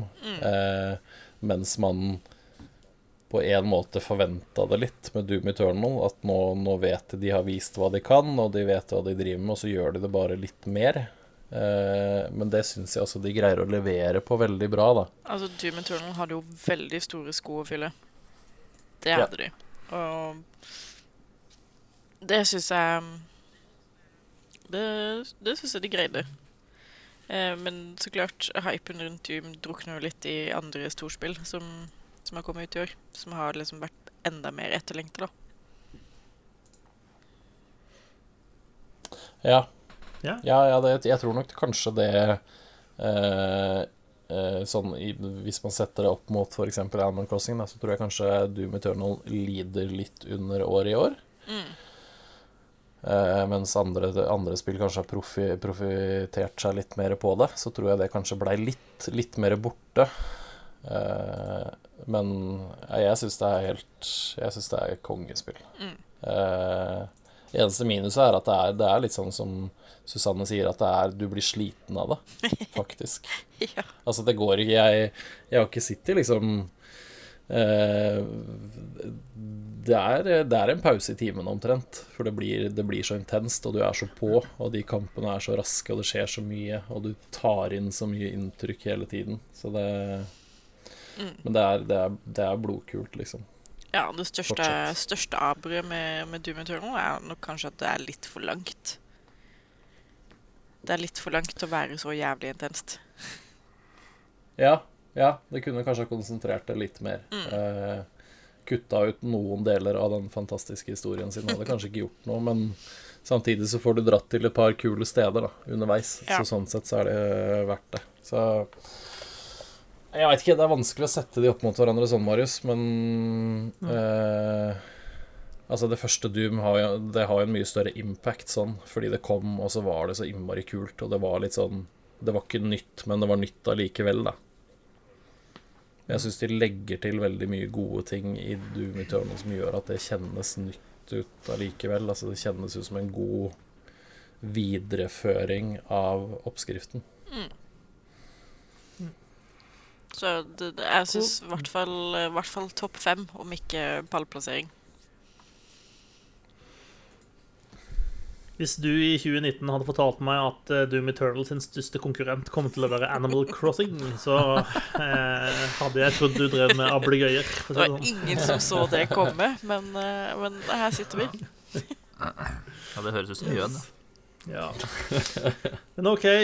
Eh, Vi beveger oss gjennom eh, vi Final Fantasy 7 Remake har vi for så vidt vært innom. Eh, Er du fornøyd med det vi har sagt om det så langt, Gøran? Ja. Jeg er det, altså. Det er eh, en, av de, en av de beste spillopplevelsene mine i år, uten tvil. Eh, men jeg har vel også kommet eh, Innsett at det kanskje kommer på nedre halvdel av denne lista akkurat nå. Det kan vel hende. Mm. Men ja. Jeg har sagt det jeg vil si. du vil kanskje du vil kanskje argumentere enda hardere for Ghost of Tsushima, da, eller? uh, ja, totalt sett så vil jeg vel kanskje sette det, sette det høyere enn Final Fantasy 7. Mm. Det vil jeg. Um, er det mer du ønsker å si om det spillet, når vi nå er jobber oss gjennom de resterende på lista her? Ja, jeg syns det er jævlig synd at det ikke er flere som har spilt det, for det er et av de beste spillene i år. Eh, jeg syns det fortjener all heder og ære for det de gjør. Eh, fordi det er så Men det er litt sånn, nå snakker vi om de ti beste spillene, så det er litt sånn vanskelig å si at det er et spill nesten uten feil, for det er vel egentlig sånn bortsett fra Cyberpunk, så er det ikke så mange av de her som har veldig mye man kan liksom plukke på de. Mm. Så Men ja, jeg syns bare det, det er eh, det er et eller annet med, eh, med hvordan de lager spill, altså hvordan de lager liksom bevegelse og flyt og og, og liksom eh, moment i spillene sine. Som er veldig, veldig kult. Så ja, jeg vil sette det eh, et knepp over Final Fantasy. Det vil jeg. Mm. Mm. Vi har vel knapt nevnt Hades med et ord ennå. Det må vi jo kanskje prate om. Ligger vel i korta at den uh, hører på øvre halvdel, i hvert fall, for å si det sånn. Ja, hva skal man si om Hades? Det, altså sånn Historisk sett så er det spillet vi prater minst om i dag, er det som vinner. Det er vel, det er vel litt sånn det har vært før. Uh, men Ja, altså Hade, Hade, det, er jo ikke, det er ikke noe gærent med Hades. Det er ikke noe galt noe sted. Det er ikke noe feil. Det er ingenting som kjennes malplassert ut. Eh, og alle de tingene de gjør og alle de tingene de gir deg etter hvert, og liksom progresjonen eh, og, og sånne ting, syns jeg De har liksom bare naila alle elementene av det spillet. Det er få spill som har gjort meg så sur i år, da, som det spillet har gjort. Ja, også Men det- satt liksom Men det er jo ja, det er jo på en god måte, egentlig, men likevel. Ja. ja, nei, ja. Det er eh, Det er lite som er frustrerende enn å måtte begynne fra starten av, men også der har liksom Supergiant greid å gjøre sånn at et roguelike I et roguelike som det der, der du bruker si 20-30-40 minutter, og så dør du, og så er det jævlig irriterende, og så kommer du deg tilbake til den greia, og så får du sånne små sånne snippets av en historie. Og så er det liksom Ja, ja, ja men det er greit, da. Og så får du noen oppgraderinger, du har samla inn masse, masse ting, så du blir litt uh, blir litt sterkere. Kanskje du får den, det nye våpenet, eller kanskje du får eh, låst opp den nye, nye greia i det speilet. Uh, så det kjennes kanskje du får kjøpt en ny sofa. Ja, hvis det er det du vil. Eh, og så er det liksom Ja, ja, da prøver jeg noe nytt med det andre våpenet, og så får du et helt annet type run, og så kanskje du møter på noen av de andre NPC-ene ute der. Eh, altså, jeg husker den første gangen jeg jeg hørte hun nå, Jeg husker jeg er så dårlig på navn, men hun som plutselig eh, sitter i et rom og synger. Ja, Ja, Eurydice. Ja, den første gangen jeg liksom hørte den der og kom meg inn i det rommet, så ble jeg liksom bare Da bare stoppa jeg der. Og så tenkte jeg nå skal jeg stå her og så skal jeg høre hvor lenge er det hun egentlig synger før det skjer noe annet her nå, liksom. Og det, var, det er en veldig sånn rar ting å oppleve i et sånn type spill. Da, at det liksom bare Pang, nå setter vi en pause, og så skal du få lov til å høre på en veldig fin sang, og så skal du få litt dialog med den, og så går du videre, og så er du tilbake igjen til liksom rogelike igjen. Så det er så mye sånne enkeltelementer i det spillet som ingen andre har gjort før det, eller som ikke Det er ingen som har putta alle de inn i det samme spillet og fått det til å funke. Og det har Supergiant gjort på alle tingene sine, synes jeg, da. Jeg er enig. Jeg, jeg syns eh, de, de er utrolig flinke til å gi deg sånne brødsmuler hele tiden. Eh, og det, det kan høres ut som eh, litt sånn eh, noen, At det er noe negativ twang over det, men det er de ikke ment som. De er veldig flinke til å, å, å hele tiden lokke deg videre med noe nytt. Eh, og, og jeg er blitt eh, blir stadig eh, litt sånn overraska over at det hele tiden dukker opp nye ting. Mm. Eh, omtre, omtrent etter hver run så er det et eller annet nytt jeg oppdager. Eh, og det føles også som at eh, mye av de tingene du låser opp underveis, er betydningsfulle også, da. Det, de på en måte veksler mellom ja, at du får eh, Som du sier, nye sånne snippets av, av historie eller dialog og sånne ting. Men, men det er jo også en veldig gradvis oppblåsing av nye våpen, nye funksjoner, nye angrep. Eh, nye metoder for å tracke hva det er du har drevet på med. Eh, sånne ting. Eh, og så synes jeg stemmeskuespillet og liksom de, den tolkningen de har av eh, disse gudene og sånn, syns jeg også er helt nydelig. Eh, det er kjempeartig, de dialogene du har med, med Poseidon og eh, Dionysus og disse folkene. Det er eh, Altså dette er en sjanger som jeg misliker ganske sterkt. Eh, jeg, jeg, jeg liker ikke rogelike-spill i det hele tatt. Jeg liker ikke den typen eh, Jeg håper å si ikke plattform, men altså den typen sånn actionspill som dette er heller, er egentlig ikke min greie. Men jeg har jaggu meg hatt det mye gøy med Hades. Eh, så, så de har klart å på en måte gjøre det så bra at det, det når et publikum også på en måte på tross av den sjangeren det spillet befinner seg i. da Og det er en ganske stor bragd, tenker jeg. Jeg også setter veldig pris på, den, eh, på progresjonssystemet. Eh, Det føles ikke så bortkasta, da, å gjøre et run, eh, og så dø eh, etter eh, et kvarter eller 20 minutter. Så du har liksom alltid utretta noe, da. Noe Om du har fått noen sånne lilla krystaller, eller eh, i verste fall en nøkkel, eller Et eller annet har du oppnådd. Eh, I form av progresjon i spillet og, og historie, som dere sier. da Og så er det jo en uh, stor styrke med dette spillet er jo De har jo nærmest uh, satt en ny standard for hva, hva flyt i combat gjelder.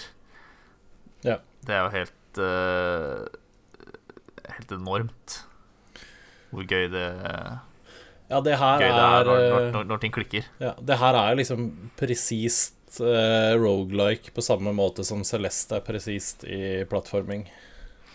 Ja, For det er liksom ikke godt uh, sagt. Ja, det er, ikke, det er liksom ikke uh, du, du blir ikke truffet av et prosjektil fordi figuren din lagger, eller fordi du egentlig mente å gå opp når du, du trykka ned. Altså det er Du har hele tiden full kontroll, og det er eh, Ting skjer så momentant, og det er så Ja, det er som du sier, altså det er en eller annen sånn flyt, når du først liksom Eh, du kan nesten merke det når du får det, når du får et run der du skjønner at å, shit, her, nå kommer jeg til å gå langt, eller nå kommer jeg til å runde hele greia. Det merker du ganske fort.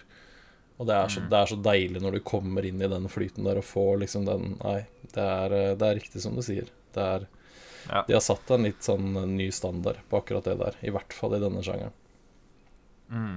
Det er, eh, det er det du sier der om at det liksom er din skyld, uh, merka jeg veldig sånn de første fem runsa, kanskje, hvor ting var litt nytt, og liksom man måtte venne seg til ting. Så allerede da så merka jeg jo at, at uh, nå røk runnet fordi jeg ble utålmodig eller ufokusert.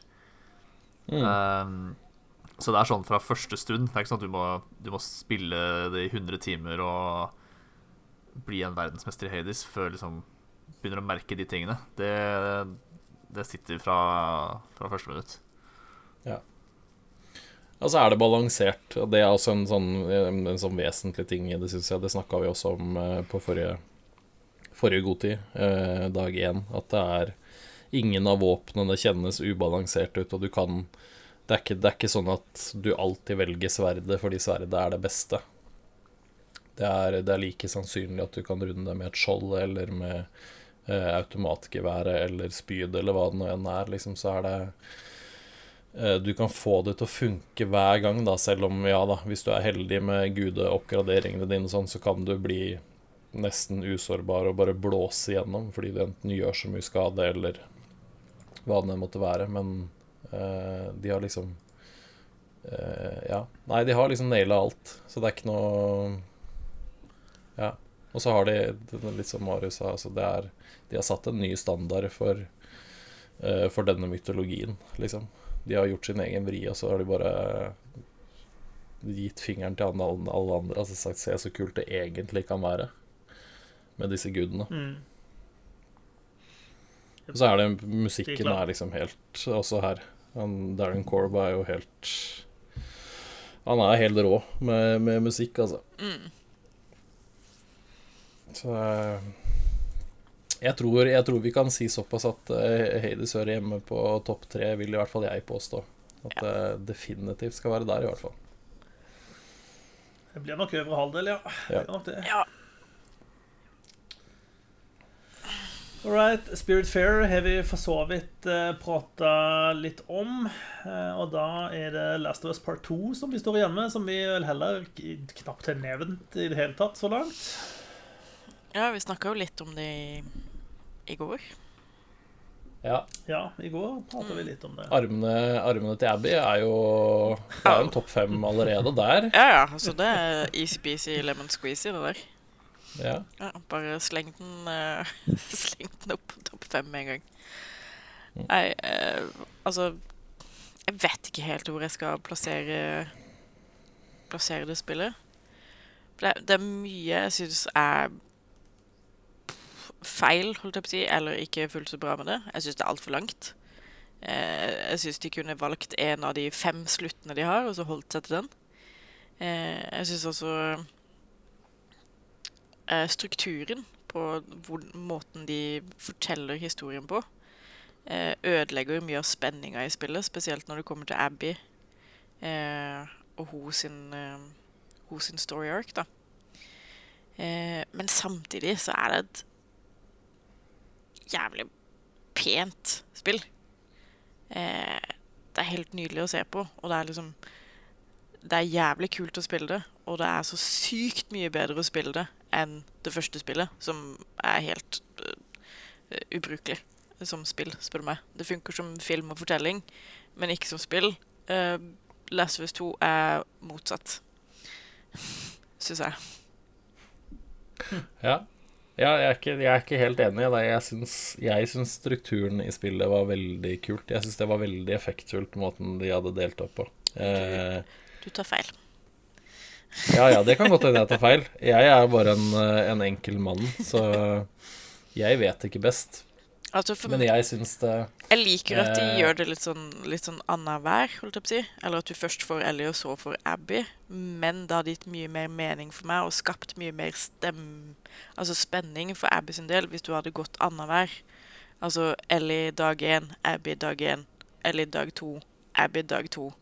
Ellie dag tre, Abby dag tre. Eh, for måten de gjør det på nå, så vet du jo at Abby kommer til å overleve til et visst punkt.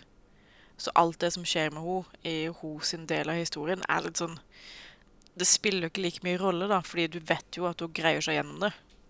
Med, med liv og lemmer i behold, på en måte. Ja, ja, men jeg syns allikevel det var eh, Det skapte Altså for meg, da, min opplevelse av det var at det skapte et veldig sånn eh, Veldig sånn stressende sånn ubehag når jeg spilte gjennom Abby sin del, for jeg visste alle de tingene hun kom til å oppleve. Mm. Så jeg syns det var jeg syns det var altså, nesten sånn fysisk ubehagelig å skulle måtte åpne et par dører når jeg styrte Abby, for jeg visste hva som venta liksom, bak den døra. da. Uh, og det, det, det de, de gjorde veldig effekt på meg, sånn, så jeg syns den jeg syns den strukturen var kul. Jeg skjønner veldig godt hva du mener, og jeg skjønner at du kunne lagd en litt annen sånn spenning i det, at du ikke visste om det varte hele veien ut eller ikke. Uh, den, den kan jeg på en måte være med på, men samtidig så uh, Andre halvdel av spillet da med, med Abby liksom syns jeg blei Den blei intens på en helt annen måte, selv om jeg egentlig visste hva som, hva som kom på et punkt. da Altså opp til det, opp til det liksom møtet der, så vet man jo at begge to er der. Eh, men allikevel så blei det jeg følte på en eller annen måte at jeg hadde dårlig tid Mm. underveis med Abby. Eh, så det, det, det var veldig sånn fascinerende greie, det der. Og så syns jeg Altså hvis man ser litt utover da liksom eh, Ellie og Abby og den eh, den story-arken, så syns jeg de rører innom veldig, veldig mye kult underveis. Det er veldig, veldig mye bra som skjer rundt de underveis med de figurene de er, har eh, forhold til og eh, sånne ting. Så det Nei, jeg jeg syns det, eh, det er et veldig, veldig bra spill. Ja, det har åpenbare svakheter. Jeg syns hele den der samlegreia i det jeg, Det gir mening at man skal drive og samle, altså leite etter ammo og gjøre de tingene der. Men jeg syns det i perioder kan drepe litt av flyten. Mm. Eh, De hadde ikke trengt å ha med den delen av det, syns jeg, da. Eh, At man eh, plukker opp ammo fra et lik, eh, sånne ting, det er på en måte greit, men du er liksom Noen ganger så er det avhengig av mer eller mindre gå rundt og bare leite etter ting, og da får du liksom ikke noe progress på, på historien som kan liksom dra deg litt ut noen ganger, men Nei, sånn totalt sett, hvis man setter liksom sammen alle elementene av The Last of Us, så syns jeg det er, et, det er et helt sjukt bra spill, syns jeg. Eh, og det var jo også som vi snakka om eh, forrige dagen, altså den sånn teknisk kvalitet, så er det jo Det, er, det blir for dumt, liksom, Mm. det de holder på med. I positiv forstand. Ja, i positiv forstand. Ja, det er det. Mm. Nei, jeg syns de, de gjør enormt mye bra i det spillet. Eh, men som sagt, ja, det er ting jeg skulle ønske var litt annerledes. Eh, Men det er jo personlig smak, da. Eh, og så synes jeg også Ja, men jeg skjønner kanskje- det. Jeg skjønner det veldig godt. Ja. Det, men Men jeg, ja, jeg syns også du har et poeng, men jeg tror de kunne fått til den samme spenningen og ubehaget hvis de hadde gjort det liksom annenhver istedenfor først eller så Abby, liksom komplett historien. Men uh, Og så er det litt det at jeg syns de smø, smører veldig tykt på for å få Abby til å fremstå som en sånn Som et bra menneske, sånn at det Ellie gjør, skal fremstå så mye verre. Eh, de Mm. hadde ikke trengt å liksom gjøre det så himla Jeg føler de gjør det veldig himla svart-hvitt, da. Jeg skulle gjerne hatt litt mer grå områder. Og Ja. kanskje ja, hatt en litt mer nyansert fremstilling av begge karakterene, egentlig. Ja, for det blir veldig sånn uh, ja, da, da blir det sikkert veldig sånn spoiler-greie, men uh, Ellie er jo Hun er jo ekstremt enspora i, i sin liksom målsetning gjennom spillet. Mm. Uh, veldig, veldig, liksom. Sånn Men jeg, jeg, jeg syns allikevel de greier å hente det inn igjen, og, og den, altså man kan si hva man vil om den siste liksom, scenen som den aller siste greia. Mm. Eh, men jeg, jeg syns allikevel det er et eller annet med den som gjør at de, de legitimerer hele reisen hennes også, i den siste. Du, du får på en måte et veldig sånn innblikk i, i hvor Jeg veit ikke. Hvor ødelagt hun er, kanskje. Mm, altså, hun er jo en en bra videreføring av alt som skjer i det første spillet. Eh, Mm. Hun tar jo på en måte over rollen til, eh, til Joel. Det som irriterer meg, er at det, det virker jo ikke som det er noen av de som har lært noe som helst fra det første spillet. Og det er så mye Nei. av konfliktene i, i eh, Last of Us Part 2 som bare kunne vært løst hvis folk bare hadde snakka sammen. eh, Ja, men da, du har levd i 2020, eller? Du veit at folk ikke er sånn? Ja, jeg vet jo det. Men i en ideell verden Ja. så hadde de snakka sammen og kanskje snakka litt mer om følelsene sine, sånn at de ikke blir liksom avstumpa mordermaskiner. Eh, Ja. Det er bare Ja. Men det er nok eh, Ja, jeg, jeg skjønner det. Altså. Jeg, er helt, jeg er helt med på kritikken, men sånn totalt sett altså er For meg så er Last of Us en av de, en av de definitivt liksom sterkeste og mest minneverdige spillopplevelsene i 2020. ja, altså totalt sett helt klart ja. All right. Da vi prater oss eh, litt inn, inn på alle spillene. Skal vi prøve å starte fra bunnen av og se om vi klarer å plassere noen på plass nummer 10 og 9 og 8, da? ja. Ja, jeg tror vel eh, Eh, skal vi se. Eh, Jeg tror kanskje Crusader Kings, Cyberpunk, Spiritfair og Final Fantasy Mm. Er de fire nederste. Mm. Eh, så kan man være uenig eller enig i det, for så vidt. Kanskje. Kanskje? Jeg tror det høres ut som at vi er sånn no, noenlunde der, ja. Ikke, jeg, jeg vet ikke om jeg er enig i rekkefølgen nødvendigvis, men, men grupperingen eh, tror jeg kanskje vi kan eh, Vi kan diskutere, ja. Er du her, Håvard? Du var så tyst. eh. Ja, jeg har meldt meg litt ut eh, da det var snakk om uh, Last Holdt seg 1. for ørene.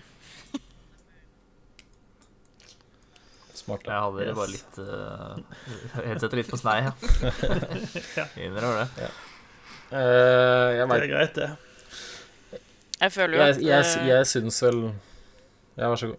Ja, jeg føler jo at Hades bør uh, bom, bumpes ganske langt opp. Eh, om ikke førsteplassen, så i hvert fall andreplassen. For det Ja, men ok, nå har, vi, men nå har vi på en måte plukket fire som det ser ut som det enige, vi er enige om at skal være bunn fire. Skal vi, skal vi prøve å, å lokke de inn på plassene sine før vi tar de seks øverste, da? Det kan vi gjøre. Jeg er helt enig i det. Prøve litt struktur hadde vært nice. Mm. Skal struktur òg nå. Herregud. Ja. Etter, etter fire timer snart. Nei da. Eh, OK, jeg, jeg foreslår at Cyberpunk er tiendeplass. Rett og slett fordi det er så jævlig mye bugs. Og det er et spill som vi anbefaler at folk venter med å spille. Selv om du burde spille det, så burde du vente. Da syns jeg det er på sin plass at det er på tiendeplass. Jeg kjøper argumentasjonen. Personlig ville jeg hatt det høyere, men, eh, men eh, jeg eh, Ja, det ville nok kan- Det ville nok kanskje jeg også, men ikke veldig mye høyere, faktisk. Ikke sånn som det er nå. Det er, eh, det er litt for mye av det gode. Da låser vi Cyberpunk 2077 på plass nummer ti. Jeg tenker at Spiritfair uh, kan fint være på niendeplass. Altså, det er et av mine, mine favorittspill, men det har litt vansker for å hevde seg i akkurat denne, denne samlinga her. Mm. Så niendeplass er eh, bra, syns jeg. Ja. ja. Da lokker vi den der. Faen, nå går du unna, syns jeg. Ja det, For du så jeg prøvde å løfte Spirit Fair opp der, uh, Susanne. Jeg vet hvor uh, mye det betyr for deg, det spillet. Man må ikke gi for mye makt til eh, sekretæren, holdt jeg på å si. Eh, den som lager agendaen, den har mye makt. Nei, eh, da er det Crusader Kings 3 og Final Fantasy 7 Remake. Jeg er for så vidt komfortabel med å ha Crusader Kings på en åttendeplass, jeg. Jeg, jeg mistenker at Gjøran vil foretrekke å ha Final Fantasy 7 over, så Jeg, jeg, ja, jeg syns det fortjener å være såpass høyt på lista, det syns jeg. mm. Det høres ut som vi låser det sånn, og da har vi Cyberpunk på tiende, Spirit Fair på niende, Crusader Kings 3 på åttende og Final Fantasy 7 Remake på syvende. Det er jo passende at Final Fantasy 7 er på syvendeplass, da. Det syns jeg er jo et fint system. eh. Det er helt perfekt, det. Det gjorde det godt i sjela, faktisk. Det tenkte jeg ikke på for nå. hel runding. Ja. Uh, klarer vi å finne det siste spillet til nedre halvdel, da? Doom. Ja, er det du? Kanskje Eh, Eller Ghost of Det var noe, var noe motvillighet å spore Hva med, hva med Ghost of Tsushima? Mm? Jeg, jeg, jeg Åh, det er vanskelig, ass. Det er skikkelig vanskelig, faktisk. Eh,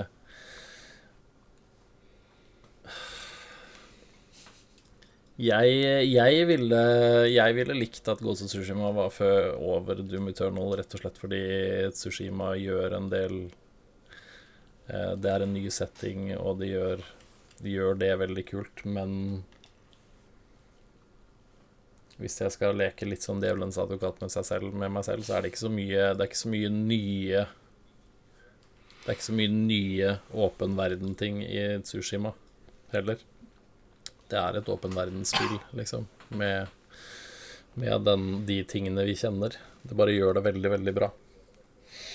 Så ja, kanskje vi skal ta eh, Tsushima på sjette og Doom på femte, da, kanskje. All right. I og med at vi har to Jeg- jeg som liker Doom, og én som liker Tsushima. Og det er jo med forbehold på å si, da. Den ene som liker At det bare er en som liker Tsushima. Ja da. Altså, jeg, jeg, jeg har ikke spilt noen av de, og jeg liker Ghost of Tsushima bedre. Bare for the record. Jeg husker jeg spilte den første, eller Ja. Den, det første av de nye i 2016. Jep. Eh, og det husker jeg var ganske Husker jeg likte godt. Så jeg tror jeg skal like Doom Eternal og bare komme meg rundt til det. Ja. Men da har vi plassert Ghost of Tsushima på sjette og Doom Eternal på femte, og da er det den sure fjerdeplassen, da. Valhalla? ja, det blir Valhalla. Vi står igjen Ja. Ja, det ble vi jo står- sagt Valhalla for lenge siden. Uh, Ja. Susanne? Eh, ja, jeg plasserte den vel på fjerdeplass i stad. Ja, men Står du for det? Vil du ha Last of Us over eh, Valhalla, for Personlig nei. Men eh, Men ja Jo. Har du sett animasjonene Ja. i Last of Us, eller? Ja, ja, de er, de er jævlig bra. De er det. Ja. Eh, og et spill som greier å lure inn uh, Take On Me, fortjener en, uh, en, tredje, en tredjeplass. Ikke noe smack my bishop jeg var dårlig med det.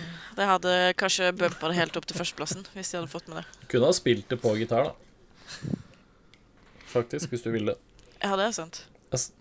Jeg har sett folk spille noen helt sjuke greier på den gitaren, og jeg skjønner ikke hvordan de greier det. Nei, Det er altså. helt kokos. Ja, ja. Fuck den gitaren. Ja, ja, ja jeg, jeg hadde ikke sjans, jeg. Det ble bare rot når jeg skulle prøve. Jeg er like umusikalsk i The Last of Us Part 2 som jeg er i det virkelige liv, og det syns jeg ikke noe om. Og dette gikk veldig fort. Eh. Nå føler jeg at vi Ja, nesten. Nesten rusha det. Eh, men vi har jo bare to spill igjen, da. ja, for da har vi Assassin's Creed Valhalla på fjerde og Last of Us Part 2 på tredjeplass, og altså på pallen, om du vil. Og vi står igjen med Animal Crossing og Hades.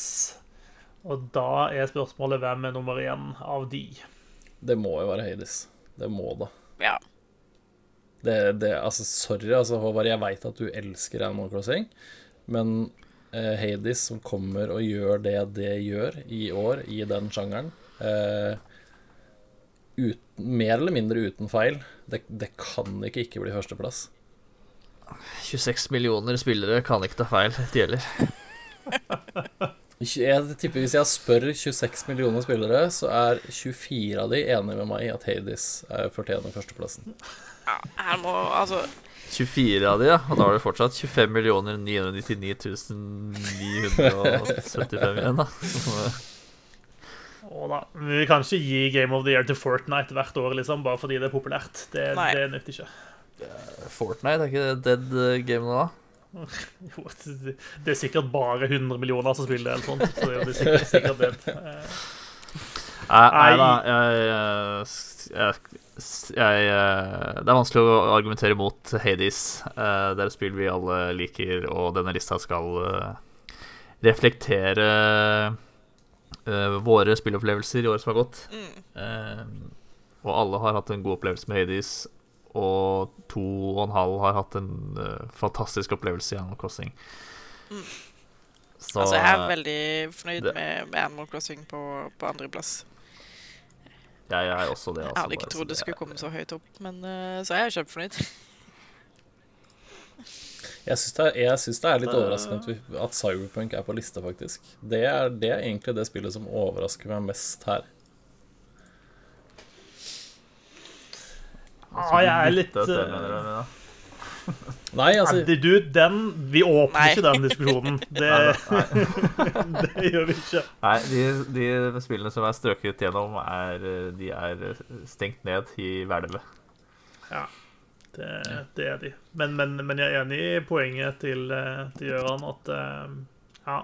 Ja, men det er, det er både og, som vi har sagt, eh, om ikke direkte, så veldig mange ganger, at er kjempemye bra som ligger og lurer i Cyberpunk. Det er bare gjemt under en fasade med mye hakk i, eller skraperi, eller hva det heter for noe. ja, altså her er det liksom ja. sånn Det var en så vanvittig hypemaskin om Cyberpunk som i praksis jobber imot spillet, da. Eh, og den, den Du klarer liksom ikke ta deg sjøl ut av den konteksten det spillet ble solgt inn og presentert i, heller.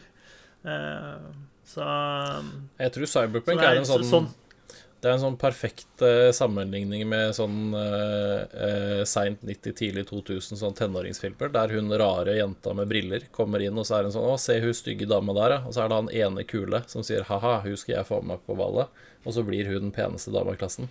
Sånn er på en måte Cyberpunk litt nå. At det er gjemt under et sånt litt sånn tynt lag med? Ja, ja. Men det er litt sånn tynt lag med, med briller og litt dårlig hår. Og så, og så uh, er det egentlig den Ikke bare den peneste, men også den snilleste jenta i klassen. Litt dårlig hår. Det skal noen uh, Noen uh, sjampo-klatter der til, i hvert fall. Par flasker jeg lim. syns eh, men, vi har vært innom det på noen av spillene, sånn som Spirit Fair og Animal Crossing, som, som var betydningsfulle også fordi at de kom ut på en måte i 2020, da, og i det året som, som vi alle gikk igjennom. Eh, og jeg syns på mange måter så er Hades er jo også en ganske god parallell på 2020. Altså det er sånn der Hver forbanna dag handler liksom om at du våkner opp, og så må du bare komme deg gjennom dette. Og uansett hvor hardt du kjemper deg videre, så har du bare kommet deg én dag videre. Du har fått kanskje Du har kommet en brødsmule lenger i 2020, men det er fortsatt liksom no end in sight, og du må fortsette denne helvetes syklusen eh, dag etter dag etter dag. Eh, så ja, jeg syns det er et det er både en verdig og en passende vinner for eh, GOT i 2020. Du måtte gjenoppleve det helvetet på nytt og på nytt og på nytt. Veldig bra. bra. formulert. Mm. Oh, vi er ved veis ende, gitt. Vi er det, ass. Mm. Ja, det tok eh, Det var et strekke på midten der som tok litt tid. Men eh, bare kom over den kneika, så gikk det jo rasende fart å sette opp eh, og rangere de ti siste. Ja, ja. Du får litt sånn magefølelse av det når du hører folk eh, prate om spillene de har spilt, og litt sånn hvor mye man legger i hver av de. Mm. Eh, vi har, det vi ikke har gjort, er jo å avsløre våre personlige liste, da. Ja, vi skal gjøre det, vi. stemmer. Mm. Eh, Der har vi jo noen, og de, de er jo ganske spent på da, hvordan de på en måte ser ut sammenligna med vår felles topp ti-liste. Ja. Vet ikke hvem som har lyst til å starte ballet. jeg. Ja, jeg kan begynne, jeg. Eh, har du lyst til å gjette først, eller skal jeg bare lese opp lista mi? Oi, nå har Google lyst til å være med her. Um, Altså, Hades, Tsushima er jo innrømmet. Final Fantasy kan jeg tenke meg. Mm. Uh, Last of Us. Ja. og så er vel den siste Ligger vel sikkert et eller annet sted i de eh, Som er streka gjennom her i dokumentet vårt. Mm, Nei. Nei? Har du alle Er det- dine fem på topp? Er det Doom, da, som er siste? Hades, Last of Us, Tsushima, Final Fantasy Doom. I, i riktig rekkefølge alt Ja. Heides på topp? Det er riktig. Mm. Det stemmer. Ikke verst. Du klarte jaggu meg å få med alle topp femmene dine inn på lista. du. Ja, og så er det Det er jo Sneaky, sneaky. ja, enda, enda et år, da. Så er det vel jeg som har vært innom flest spill her. Så det er ikke så unaturlig, det. Jeg vet ikke hva du. Jeg vet ikke hva det sier om meg. Prøver du å si at vi ikke gjør jobben vår? Eller at jeg spiller litt og så hopper til neste, fordi jeg er utålmodig. Ja. Det, det kan du velge, velge å, å se på som du vil. Ja, da går jeg for Jeg har sistnevnte. som eh, Jeg har jo som nyttårsforsett å, å fullføre spillet jeg begynner på, jeg, i 2021. Ja, jeg har fullført. Men det hadde du sikkert i 2020 også. Nei, det hadde jeg faktisk ikke. Da hadde jeg, veldig, da hadde jeg også veldig dårlig formulert et nyttårsforsett. Jeg har fullført Hades, Last of Us, Sushima, Final Fantasy, Doom Altså Animal Crossing blir man aldri ferdig med. Miles Morales, Cyberpunk. Ja. Nei, det er helt, eh, helt eh, enormt. Rått. Ja, men eh, til, til din kred, Gøran, så syns jeg du også har blitt flinkere til å gi mer tid til spill enn Du hadde jo en periode tidligere der vi gjorde litt narr av deg med, med Gøran-timen, eh, hvor du var veld, veldig kjapp til å hoppe videre til neste. Eh, men jeg syns jeg, jeg syns ikke det er en greie lenger, rett og slett. Nei. Det er en grunn til at vi ikke omtaler det så mye lenger. Ja, det var jo Jeg skjønner ikke hvordan du har tid til det. Du har tre barn og ei kone, og du flytta har du gjort, og Jeg sover ikke, da. Du må ikke pirke for mye borti dette. Nei, Sover det- ikke. Det er Det er jo der det, der det sover ikke nei. helt klart Uh... Du har for, få arbeidsoppgaver på hjemmekontor. Yep. Og så er det jo kona si det og barna som har tatt seg all flyttinga mens, uh, mens han har spilt. Vet du hva, det kan, det kan hende kona mi er litt enig med deg der, faktisk. Sorry, jeg kan ikke være med å flytte nå. Jeg må faktisk komme meg gjennom Cyberpunk. Eh, Det, Jeg må jobbe, jeg. ja, ja. Jeg får høre neste, da. Ja, men Susanne. min? Ja. Ja. Eh, Skal vi gjette, Ja? Det må jo det må jo være Spirit Fairer, var vi vel innom, var vi ikke det? Animal Crossing. Doom. Mhm. Last of Us? yes. Og Valhalla. Ublitz. Ublitz uh, fjerna vi fordi den er early access. Ja, da røk den også ut av eh, Ja, femmeren din. Og da kom uh, Last of Us Part 2 inn. Ok, Så det er Valhalla sist, da? Yes. Ja. Ja, så jeg fikk Jeg eh, tror, jeg tror Valhalla er på førsteplass, og så tror jeg Animal Crossing er på andre. Og så tror jeg Doom, og så tror jeg Spiritfarer, og så Last of Us. eh, Det er feil. Fader. Det er nemlig Animal Crossing på første. Ja. Doom Eternal på andre. Spiritfarer på tredje. Assassin's Creed Valhalla på fjerde. Og Last of Us Part 2 på femte. Ja, altså helt feil, altså. Det Ja. er ganske imponerende. Ja, det var deilig. Tok feil på alt, jeg. Ja, ja. Yes. Godt jobba. Jeg vet. Hvem er neste? Ja. Hov Skal vi ta Håvard? Kjør på. Animal Crossing. Det er jo førsteplassen. Det er lett. Det er førsteplassen her, vet du. Mm. Åssen gjetta du det? Jeg syns det er vanskelig. Du har sikkert Paper Mario har du sikkert på din liste. Ja, det er riktig. Jeg tror han har Pikmin nå, Det er også riktig. og så tror jeg han har Tony Hawk. Ja, det er også riktig. Nice. Så tror jeg Hades har sniket seg inn på femteplass. Uh, Hades er riktig, men ikke femteplass. Mm. Men Da har vi alle spillene, i hvert fall. Det hører dere. Du avslører rekkefølgen. Eh, første er eh, selvfølgelig Animal Crossing. Pikmin 3 tar andre, Paper Mario på tredje, Hades fjerde og Tony Hawk på femte. Ja, Solid liste. Er ikke så dum, den. Fire av fem spill har jeg spilt på Switch. Nice. Yes. Så Switchen har fått kjørt seg eh, i 2020. Noe måtte du spille på etter at du forkasta og bannlyste PlayStationen din. Så. Ja, den ble faktisk bannlyst. Ja, da er det min liste, da. Ja uh, eh, Wasteland 3. Er på lista. Crusader uh, Ja, må jo være der. er? Crusader Kings 3 er på lista. Cyberpunk er på lista. Det er den. Og så er helt sikkert Valhalla på lista. Det er også riktig. Og så har vi Hades. Helt korrekt. Det, er, det var ikke så mye mysterier på disse listene våre, tydeligvis. Altså, den lista de, Den lista de skrev jeg nesten før vi begynte, Ja. faktisk. ja. Eh, og rekkefølgen er Jeg har faktisk Cyberpunk Oi. på topp, jeg. Ja. Det, skal, det skal sies at jeg har slitt vanvittig med rangeringen av spillene her. Eh, og de blir gjort eh, fem minutter etter at vi gikk på Discord og begynte å prate her i dag. Eh, men jeg hadde Cyberpunk på første, Hades på andre, Crusader Kings 3, Wasteland 3 og Assassin's Creed Valhalla på femteplass. Yes. Nice. Moro. Det er mye bra spill. Eh, Hva syns jeg har det vært et bra spillår? Ja. Ikke alle på en gang. Nei, jeg måtte, jeg måtte kjenne etter litt. Ja, jeg syns det har vært et bra spill. Jeg synes det har vært eh, Men det har vært Det var liksom vi snakka om i går òg, det har vært et veldig sånn annerledes år, som man har liksom satt pris på Og kanskje også brukt spill på en litt annen måte enn man vanligvis ville ha gjort. Mm. Og det er liksom spill jeg har gleda meg masse til, som jeg ikke har spilt i det hele tatt. Så Cyberpunk. Og så er det spill jeg ikke har noen planer om å spille overhodet, som jeg har storkost meg med, sånn som Assassin's Creed Valhalla. Så det har, det har vært et veldig merkelig år. Men bra. Mm. Jeg tror jeg er, jeg er enig med Marius i at det er sånn tja.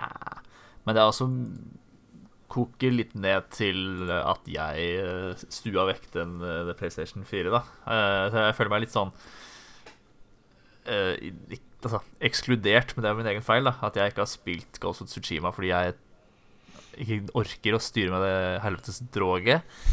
um, så det er jo én ting, ikke sant. Um, Spiderman er en annen. Last of Us. Uh, Last of Us, ikke minst. Det har jeg jo gleda meg til så lenge. Uh, og det Ja. Gjør kanskje at jeg min egen ignoranse som gjør at jeg syns at det er litt sånn Tja. Tja. Ja. Men det er litt sånn Jeg- det, det lå sånn på jeg- 2020 var tja. Ja. Når jeg satte opp eh, lista mi nå, så kjente jeg at jeg var veldig glad for at ikke jeg hadde trengte å skulle liksom klemme inn Demon Souls her. For det hadde helt sikkert også vært med på lista fordi jeg er så glad i originalen. Så hadde jeg helt sikkert likt det, gjorde jeg ikke nå. Men uh, det passer meg fint at jeg ikke fikk en PlayStation 5 akkurat i dag, når jeg måtte bestemme liste. Yes. Nei, men Flott. Eh, vi tror vi, vi gjentar topp ti-lista vår.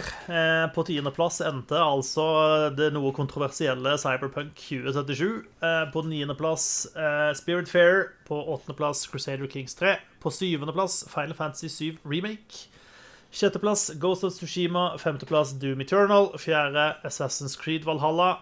Eh, Så pallen på topp tre. Tredjeplass Last of Us Part 2. Andreplass Animal Crossing New Horizon. Og førsteplass og Game of the Year i Double Jump er Hades. Oi. Yes. Grattis. Og gratulerer til alle. Alle vinnere her i Double Jump. Bortsett fra de Det var ty- nesten 20 bare bra andre spill. spillene som vi kutta. Ja. Mm. Dere som, bortsett fra de som tapte, på en måte. Ja. Ja. Det er riktig. Det, det er sånn vi pleier å ha det. Alle vinner bortsett fra Eh. Twin Mirror. Oi. Det var, that was rough. What, what did that game ever do to you? Be bad. Eh, kun basert på tilbakemeldingene fra Susanne. Jeg leste på nettet at det var dårlig, så derfor hater jeg det. Er ikke det liksom greia? Ja. ja. De fyrer av noen dødstrusler til utviklerne med en gang, og så er vi ferdige med det. Eh, nei, men eh, med det så setter vi offisielt double jump punktum på 2020. Og det var jaggu meg på tide, syns jeg. Ja, Med tanke på at vi Eh. er nesten to uker inn i 2021, snart med stund. Ja, ja. Eh, neste sending tenker jeg at vi skal kjøre vår ting vi gleder oss til i 2021-sending. Så da er det bare for dere folkens å gå gjennom notatblokkene og tenke ut hva er det egentlig mm, som man tror og eller håper skal komme ut i 2021. Og så skal vi prate oss igjennom gjennom hele det kommende spillåret, rett og slett. Eh, Så vær med oss på det. Det er alltid kjekt å prate om spill man gleder seg til, for det er liksom før man blir skuffa over mange av de. Eh, Så det er ofte en veldig positiv opplevelse. Ja. All right. Eh, fra meg sjøl, Håvard, Susanne og Gøran, så vil jeg si hjertelig takk for at du var med oss både i denne sendinga og i 2020 som sådan. Eh, Det var litt av et år, men jaggu meg kom vi ikke igjennom det til slutt. Eh, Takk for at du hørte på, og på gjenhør eh, resten av 2021. Hei så lenge. Vi snakkes. Godt nyttår. Takk for 2020.